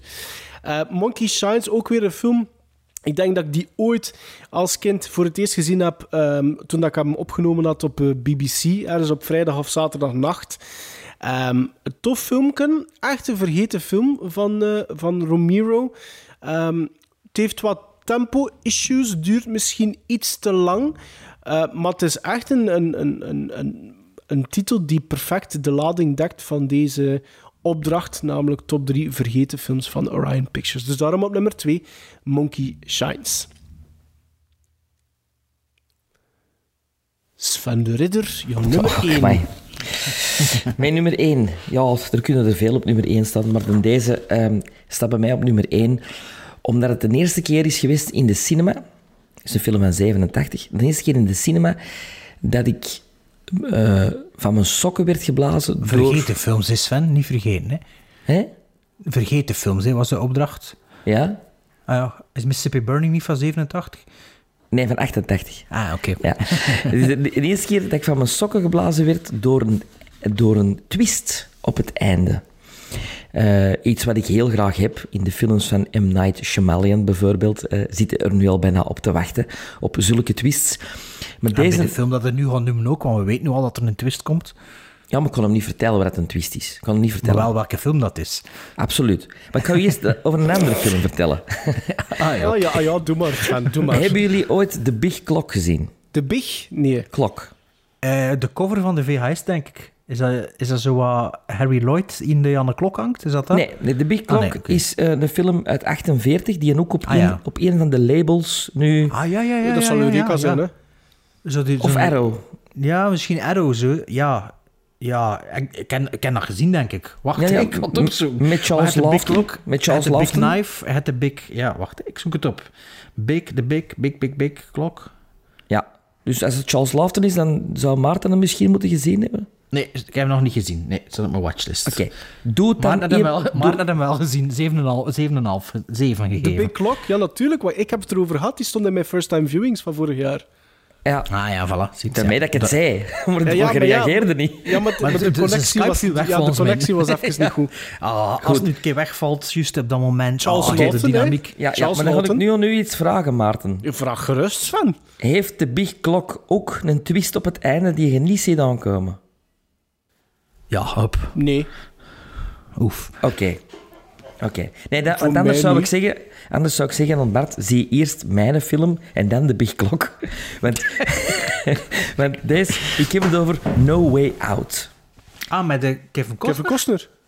Met inderdaad Kevin Costner. En, Ook zo'n film dat ik ken van Kaft. en Gene Hackman. Van een andere Roger, de vorige Under Fire was van Roger Spottiswoode. Deze is van Roger Donaldson. En wie is het vrouwelijke... ehm, Sean Young. Ja, ja, ja. Sean Young. Ik heb die al gezien. zijn borst, is dat zij die op zijn borstkast ligt op de kaft? Het gaat over Tom Farrell, hè, die een geheime relatie heeft met Susan Atwell. En Tom Farrell is Kevin Costner en Susan Atwell is Sean Young. Niet wetende dat ze ook een andere man in haar leven heeft, namelijk minister van Defensie David Bryce, rol van Gene Hackman. Als Bryce erachter komt dat Susan hem ontrouw is, slaan zijn stoppen door. Meer vertel ik niet over deze film, want het is een film die je echt moet ontdekken. Ik was En helemaal dat onder... wachten op de twist. Ja, ja, absoluut. Helemaal onder de indruk van, van eh, eh, Gene Hackman, Sean Young en Kevin Costner toen, in 87. Ehm, en het is een filmpje dat vergeten is. En dat, dat zeker als je houdt van, van suspense-thrillers, zeker eh, het bekijken waard is. No Way Out. Ik vind dat een goede trailer. Je hebt hem gezien? Ik heb hem al gezien vroeger, ja. Ah, oké. Ik heb hem zelfs op DVD, dacht ik. No Way Maar, Out. maar heb jij dan de, de link mee, de Big Clock, gelegd? Toen niet, Maar nee. is het een remake of wat? Het is een remake. Het is Niet gebaseerd dat- op, de, niet op dezelfde boek. Ja. Mijn nummer 1, dat ik absoluut zo graag zou willen zien, maar dat, dat ik hopelijk niet gekregen krijg voor de volgende aflevering. Hint, hint, want hij duurt 2 uur en 47 minuten. Het is een film van 1981 die echt al lang op mijn watchlist staat. En ja, dat eigenlijk wel volgens mij Ride Up My Alley is. Kan ook wel tegenvallen, want het is een film van Sidney Lumet, die ook Dog Day Afternoon gedaan heeft. 12 Angry Men, Before the, Nev Before the Neville, Before the Devil Knows You're Dead, Network, en daarom zeg ik, het kan ook tegenvallen, Serpico, omdat ik dat niet zo goed vond. Het is een film met Treat Williams, Jerry Orbach, Richard Foron, Foron, Forongieu en Don Billiot. En dan heb ik het over Prince, of the, of the City. City. Ehm, de soundtrack heb ik van, ik heb die LP. Ehm, ja, een goede soundtrack inderdaad. Ja, is dat nee, ook Jerry Goldsmith? Een topfilm, gewoon. The Prince of the City. Ja, ehm, ik heb hem nog niet gezien, maar volgens mij is de invloed van Joker, eh, is de film ook een invloed op Joker, denk ik. Dat ik pijs dat zo'n street-level New York film is. Scorsese-achtig. ja. Scorsese-achtig. Uncut Gems hebben we de vorige aflevering al gehad. Dus ik dacht, ja, die film, ja, Sidney Lumet, ik vind ook de meeste van zijn films goed. Sommige wat minder, maar over het algemeen vind ik ze echt wel goed. En vooral dan ook zijn New York film, like Dog Day Afternoon, vind ik echt een fantastische Ja. film. Ehm, Prince of the City, waarover gaat is nu, eh, politieofficier Shello werkt als informant in zijn eigen nar narcotic brigade, narcotica brigade in het Nederlands dus. Zet zijn oren goed open en beseft langzaam maar zeker dat hij van zijn onderzoek, dat hij voor zijn onderzoek een zeer hoge prijs moet betalen. Redelijk sumier en wat meer moet ik ook niet weten van die film. Ehm, ja, en ik verwacht nu een beetje aan een Larry Cohen of William Lustig of Scorsese. Ja, we gaan het op straat gaan draaien, sfeer. Eh, Ja, dat- dat- dat- door- dat low budget. Door de, klassieke, door de klassieke lens van Sidney Lumet, een vrij Mhm. traditionele filmer. Met een eh, New York dat niet meer bestaat. Voilà, maar ja, Ja. Dat, is, dat, is, dat is altijd zo bij die films. Nou, nou, 2 uur en 47 minuten is misschien wel een klein beetje wat dat me ook ervan weghoudt. Maar ja, de soundtrack vind ik alleszins, vind ik alleszins goed en ik heb redelijk veel beluisterd. Ehm, het is nu wel even geleden. Dus dat is mijn nummer 1 One to Watch Orion Pictures van Before the Revival in 2002. Eh, wat was het weer allemaal maar? Dus mijn nummer 1 is eh, Prince of the City, nummer 2 FX en nummer 3, wat was het weer? UHF. Zeg UHF. bij maar wat, ik, eh, wat Ja, het, straffilm is. het feit dat je dat, FX in, in de twee tops van jullie staat, vind ik... En die staat bij mij in honorable mentions, dat moet de FX zijn, hè. Vind je niet, Maarten? is goed. Ja, ik vind dat een goede keuze. FX is goed. Ah, wel, dus zouden we voor de derde keer in onze podcast een volgende aflevering over FX hebben. Korte. Bij mij op nummer 1. Een film. Ik dacht eigenlijk, Bart, dat we dezelfde gingen nemen op nummer 1. Want het is ook een film die gereleased werd in 1981. Ah. Maar het is niet dezelfde Maar je film. hebt hem ook al vermeld, ik heb hem gezien. Ja. Het is ook met een karakteracteur, een Ehm, hoofdrol. Ja, ja, ja. Het is... ehm Is het niet Casey Stage? Stage? Stacey Keach? Nee, nee, nee. nee. nee. Het is, Nee. nee, nee. Ah. Het is, Dat het is, is twee- een- dat is 82. Het is een Shark- film... Sharkies. Het Ah, is, nee, een- nee, nee. het is een film die ik ehm, ook als kind vaak heb gezien. En vorig jaar heb ik de film voor het eerst herbekeken in, laten we zeggen, 18 tot 20 jaar of zoiets. Nee, zelfs langer, 25, pakt 25 jaar. En ik begin naar de film te kijken. Ik dacht, tja, zoals dat wij vaak hebben, zo van, ja, ik herken er nog bepaalde scènes uit, maar die ganse film, daar wist ik niet te veel meer over. Het is een film van John Borman, die ook Deliverance gedaan heeft. Ah, oké.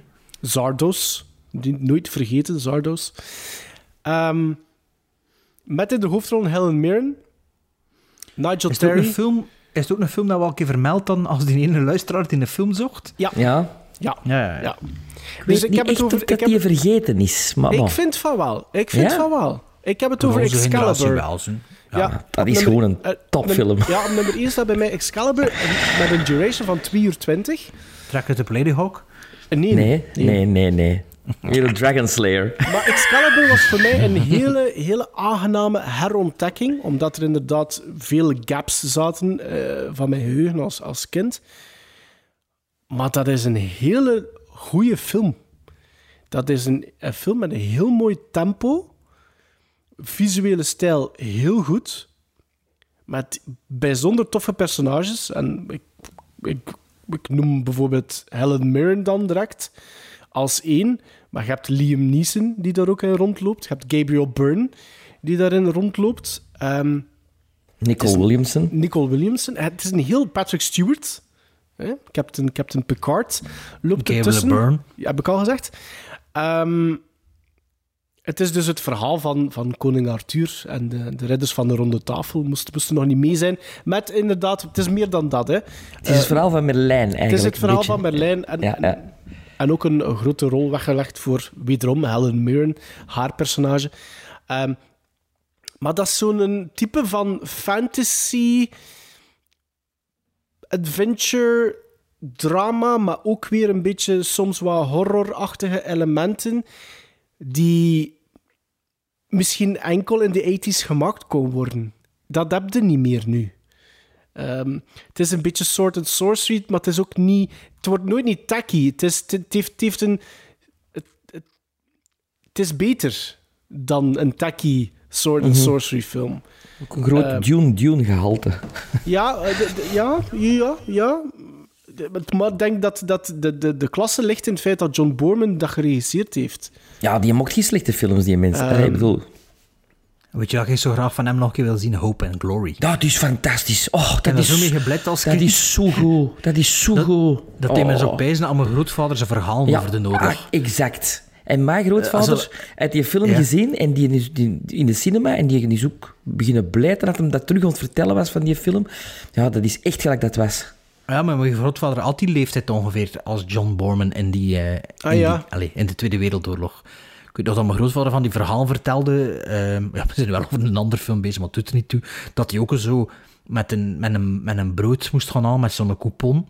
En dat hij Ja. op de weg naar huis ermee aan het voetballen was. Ja. Dat hij heel als een, een stuk was, dat brood. En dat tot deze moeder moest zeggen, ja, ons brood is een stuk, wat kan je ermee gevoetbald? Of dat de school gebombardeerd weer en dat ze allemaal repen. Ja, content zijn. Ja, in school, in school. Ja, ja, ja. En Dat is en topfilm. allemaal in de rij gestaan voor in die onderbroek te zien van dat meisje en zo. zo Ja. allemaal van die... Dat en dingen, dingen, de Emerald Forest. Oh, dat is zo Is goed. dat ook eh, Borman? Ja, dat is zo goed. Dat is zo goed. Enfin, ja, ik vind- ben, ben blij dat ik die naam nog eens terug hoor, die John Borman. Zo. Dat is Ja. een beetje een ver- vergeten regisseur. Ook, Zou ja, nog wel Welke keer film van hem behandeld? Zou nog een keer een van onze Johns Of, kunnen is, zijn. dat hè? voor, is, dat, of is dat voor John Judy? John Judy. maar jij vindt dat niet echt een vergeten film, Sven? Mm, Nu dat je het zegt, misschien wel, maar in, in mijn herinnering stond die neffe Amadeus. eh, Of neffe... Oeh, ja, ja oké. Maar Amadeus is... Pas op, ik vind Amadeus eigenlijk ook al een beetje een vergeten film, hoor. Nee, dat vind ik Ik heb absoluut dat niet niet. gezien, ik. Ja, dit- Oh. Wa- wa- Sven, hoorde jij daar nog veel mensen over babbelen, over Amadeus? Dat is dan niet zo'n beetje een klassieke, een oudere film, Nee, maar zo nee. ondertussen. Nee, nee, nee, dat, Dat is Milos echt... Forman zeker, hè? Ja, maar dat is... Dat is, dat is allee. Ik denk ook dat Amadeus zo'n beetje in... ehm, Eigenlijk soms- zouden we dat ook voor de eerste keer in de cinema moeten zien. Maar is ik denk zo dat, dat Amadeus ook zo'n beetje in, in, in te veel ehm, vermengd wordt met andere films. Zoals bijvoorbeeld die Immortal Beloved of Immortally Beloved. Wat was dat dan met, eh, met, Met Gary Oldman? Beethoven, ja. ja, ja. Ehm, ik denk dat, dat, dat, dat die films een beetje te veel vermengd geweest zijn in, el- in elkaar. Zij- Sven, John Borman heeft wel een slechte film gemaakt, hè? The Exorcist 2. Dat, vind is ik echt wel slecht, zeg. Ik vind dat niet slecht. Maar jong, oeh. Die ik van de, allee, van de twi- 2019 voor de eerste Dat keer is, gezien. dat is niet gelijk als de eerste, maar ik vind... Dat was, zijn, dat was na Deliverance zeker, Exorcist 2? Ja. ja. Maar Richard Burton is er toch wel goed in. Na Zardos, of noemt hij het een film? Zardos met eh, Sean Connery. Ja, na Zardos was, eh, was, dacht ik, hè, wacht, ik had nog juist een keer door Ik denk. Zardos, Deliverance en dan Exorcist. Nee, Deliverance, Zardos, Exorcist 2, Excalibur en dan de Emerald Forest. Ah, kijk. Oh, ja. Emerald Forest is zo goed. En dan Hope and Glory. Ja. Maar Ziet, dus- ja, je scheelde drie, drie jaar met mijn grootvader. Dus eh, ongeveer hetzelfde leeftijd geweest. Zat, is, die Wereldoorlog. dingen ook gemaakt? Osterman Weekend? Nee, zeker. Nee, dat is dingen. Die Dat is Sam? Peckinpah. Ja. Sam Peckinpah. Ja. Ah, ja. Maar kijk, we hebben dus twee hosts die elk drie films zonder overlapping, hè? elk drie films, en je hebt een derde host die uitkijkt naar Orion Pictures movies. Eh, Sven had meer dan drie films, ik zeg het maar. ah ja, maar Sven, en we kunnen Ah, ja. afsluiten met uw honorable mentions. Hè? Ja, als ik mag. Als ik mag. Ja. Ehm, ik moet gewoon zeggen dat je hem kent of gezien hebt. Hè. Ik, zal, eh, ik zal met een oudste beginnen. Een van hun eerste films die ze hebben uitgebracht uit 79. The Great Santini, met Robert Duval. Nee, Zeg maar niks. Oh, Oh, dat is... Ja, allee, dat is Robert Duval op zijn best. Dat is fe- Er, er, fenomenaal. zit, er zit de Summer Special in, Sven. ja, eigenlijk wel. The Believers uit 87 met Helen Mirren en Martin Sheen. Ja, die heb ik Die gezien. naam zegt me wel iets, maar niet gezien. Goeie horror, goeie horror. Goeie, ja. The Heavenly Kid uit 85. Nee. Nee. Back to the Future Ja. rip-off. Ah nee. Rip-off, maar goed. Maxi met Glenn Close uit 85. Nee. Nope. At Close Range met Sean Penn en Christopher Walken. Nee. Onlangs teruggezien. En pff, ja, The Bounty, uiteraard. Mag niet ontbreken. Eh, Mel Gibson zeker. Mel Gibson Bounty en Anthony Hopkins. Niet, niet gezien. Hoosiers. Gezien. Gene Hackman, ja. Bestseller met Brian Dennehy en Niet James gezien. Woods. Oh. Naam, ken ik van naam. No Man's Land over de Porsche-stelende Charlie Sheen. Nee? Nee. Oh. Ah, denk ik niet, maar het zegt me wel Ja, meer dan de vorige Nicolas, films. Nicolas Welfen Rifding heeft hem goed bezien voor het hem, de, voor het de hem driver. drive. Ja. De, en ja, de maar driver ook, gezien, maar dat ook is No hè. Land. Ja, dat denk ik niet, De maar- kleurkes, de kleurkes. Ah, de De kleurkes. De Ja. kleurkes. The House on Carroll Street met Nee. Jeff Daniels en Kelly McGillis. Goeie thriller. Goeie thriller Negatief, over, over het negatief. McCarthyism. Colors met Sean Penn. En, Jawel, en met jawel. Robert Duval van Dennis Hopper. Ja, die naam zegt me niets. De maar- moeder van alle David Ayer films. Eh, Navy Seals. Oh ja, ja, die heb ik als kind vaak was, eh, gezien, hoor. Ik, ik heb die volgens mij nooit gezien. Ik heb wel de Nintendo-spel, Game Boy Ah spel ja, ja, dat. Gameboy-spelletje, ja, dat was cool. The, Ja. package, the Package met Gene Hackman en Tommy Lee Jones. Heb ik het al eens over gehad, over de Ja, muziek. dat ken ik van, van, van nu. Ja. Without a Clue, Ben Kingsley en Michael Caine. Nee. Ho- over Holmes en Watson. Nee. Eight Man Out. Eh, en een duffelbag. Nee. Nee, Eight Man Out gaat over de, de, het omkoopschandaal van de, de Boston eh, eh, White Sox. Nee. Ah ja. Red Sox. Eh, Chicago White Sox en Boston Red Sox. sorry, Red Sox, ja, ja, ja. Married to the Mob. Michelle Die- Pfeiffer. Ja, dat heb ik ooit gezien, denk ik. Ja, dat is meer een Die- comedie, een zwarte comedie. Ja, ja, met Dean Stockwell ook. Ja. En Alec Baldwin. En The Couch Trip met Dan Aykroyd en Walter Matthau. Nee. Ja, ja, dat zijn allemaal films uit mijn jeugd. En en die is, dat is mijn tweede kanon. Ik heb het gevonden, dankjewel Maarten, om me er terug aan te laten herinneren. Dat is met veel plezier gedaan, Sven. En nu, is, nu kunnen ze allemaal herbezien en toch zo zeggen, ja, hm, ja, oh. Eh herbezien, ik denk dat ik eens op eh, Amazon eh, UK ga zoeken naar een paar van die titels. En die, alleen een bestseller, dat is, dat is zo goed ook. Oh. Oh. Ik heb wel Johnny B. Good op DVD. Ja, dat weet ik. Ja.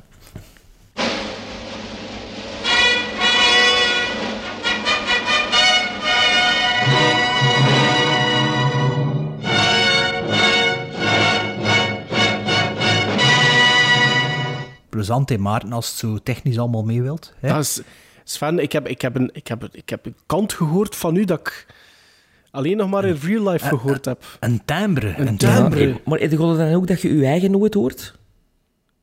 Eh, Ah, ja? ja, hè. Dat is ambetant, hè. Ja, wel, Ik dacht een inderdaad- even micro dat dat opgelost zou zijn, maar... Je kunt beter, je kunt beter van die oortjes in doen. Omdat, Ah, omdat je dan bedoelt u- zo. Ja, dan hoorde je zelf ja, wel, hè. de- ja het, is, het is inderdaad lastig met zo'n schelpkoptelefoon en zo'n micro dat het er moet over. Je gaat dat voelen ze straks dat de vermoeider zit dan anders. Want ik, allee, ik- het is daarom dat ik nu ook probeer van zo oortjes in te doen als het kan. Dus eh, ja, het is, het, is, het is een zoektocht. Het is een blijvende zoektocht. dit, dit zijn details nu wel. Ja. Het, het, het grote... De horde is genomen, Sven. De horde Ja, is dus, eh, genomen. je kunt de volgende keer zo'n dingetje doen. Ik weet dat je wat oversprak in je micro. Ik zie dat mijn waveformjes ook, maar toch... Je kunt dan ook rustiger spreken. Je moet dan minder roepen naar je eigen Ah ja, ben ik weer aan het roepen. Nee, nee, nee, maar voor jezelf te dan roepen, Ah, ja. je eigen niet spreken. Hè. Dus, maar je stemtimbre is echt top. Het is top dat er geen brom op zit als we toeren, maar Oké. daar kunnen we niet veel aan doen, niet dan. We Maar zijn weliswaar aan het einde gekomen van aflevering 104. Ja. En in 105 zitten twee Franse films. Sven. ah, ja, want de 14e juli komt eraan. Ja, bijna. Na vier maanden of zoiets. Wat was het? Ehm, Sven gaat eindelijk kijken naar Amélie Poulain. Le fabuleux destin d'Amélie Poulain. En eh, Bart, eh, Sven en ikzelf gaan een first-time viewing doen van Le Clan des Siciliens. Voor, voor de duidelijkheid, wij er gaan ook kijken. Maar Wij gaan ook Amelie- kijken, ja. Voor ons is het allemaal een Ah, first-time oké. viewing. Niet? En als, als er iemand interesse heeft in een steunkaart, laat het maar weten. Hè. Van Amelie? Nee, dat heb ik al Nee, nee, nee. De Colonne Sicilia. Ah ja. Ah, ja, ja, ja, oké. Dus ja, Dus er zijn steunkaarten, Er zijn steunkaarten. steunkaarten. En we krijgen een mini-bespreking van FX door Bart de Duitse. Ah ja, juist, ja, dan dat Dat was al vergeten, hè. man? Nee, nee, dat was het niet vergeten, maar ik dacht, dacht dat het UHF geworden was. Maar het is inderdaad FX. Ah, en? Instagram zeker bekijken. Ah ja, Want er is een nieuwe Prison Prison, Bound. Bound. Dus er moet gestemd worden. En de uitslag daarvan ook in aflevering 105 van de Gremlins Strike Back Film Podcasts.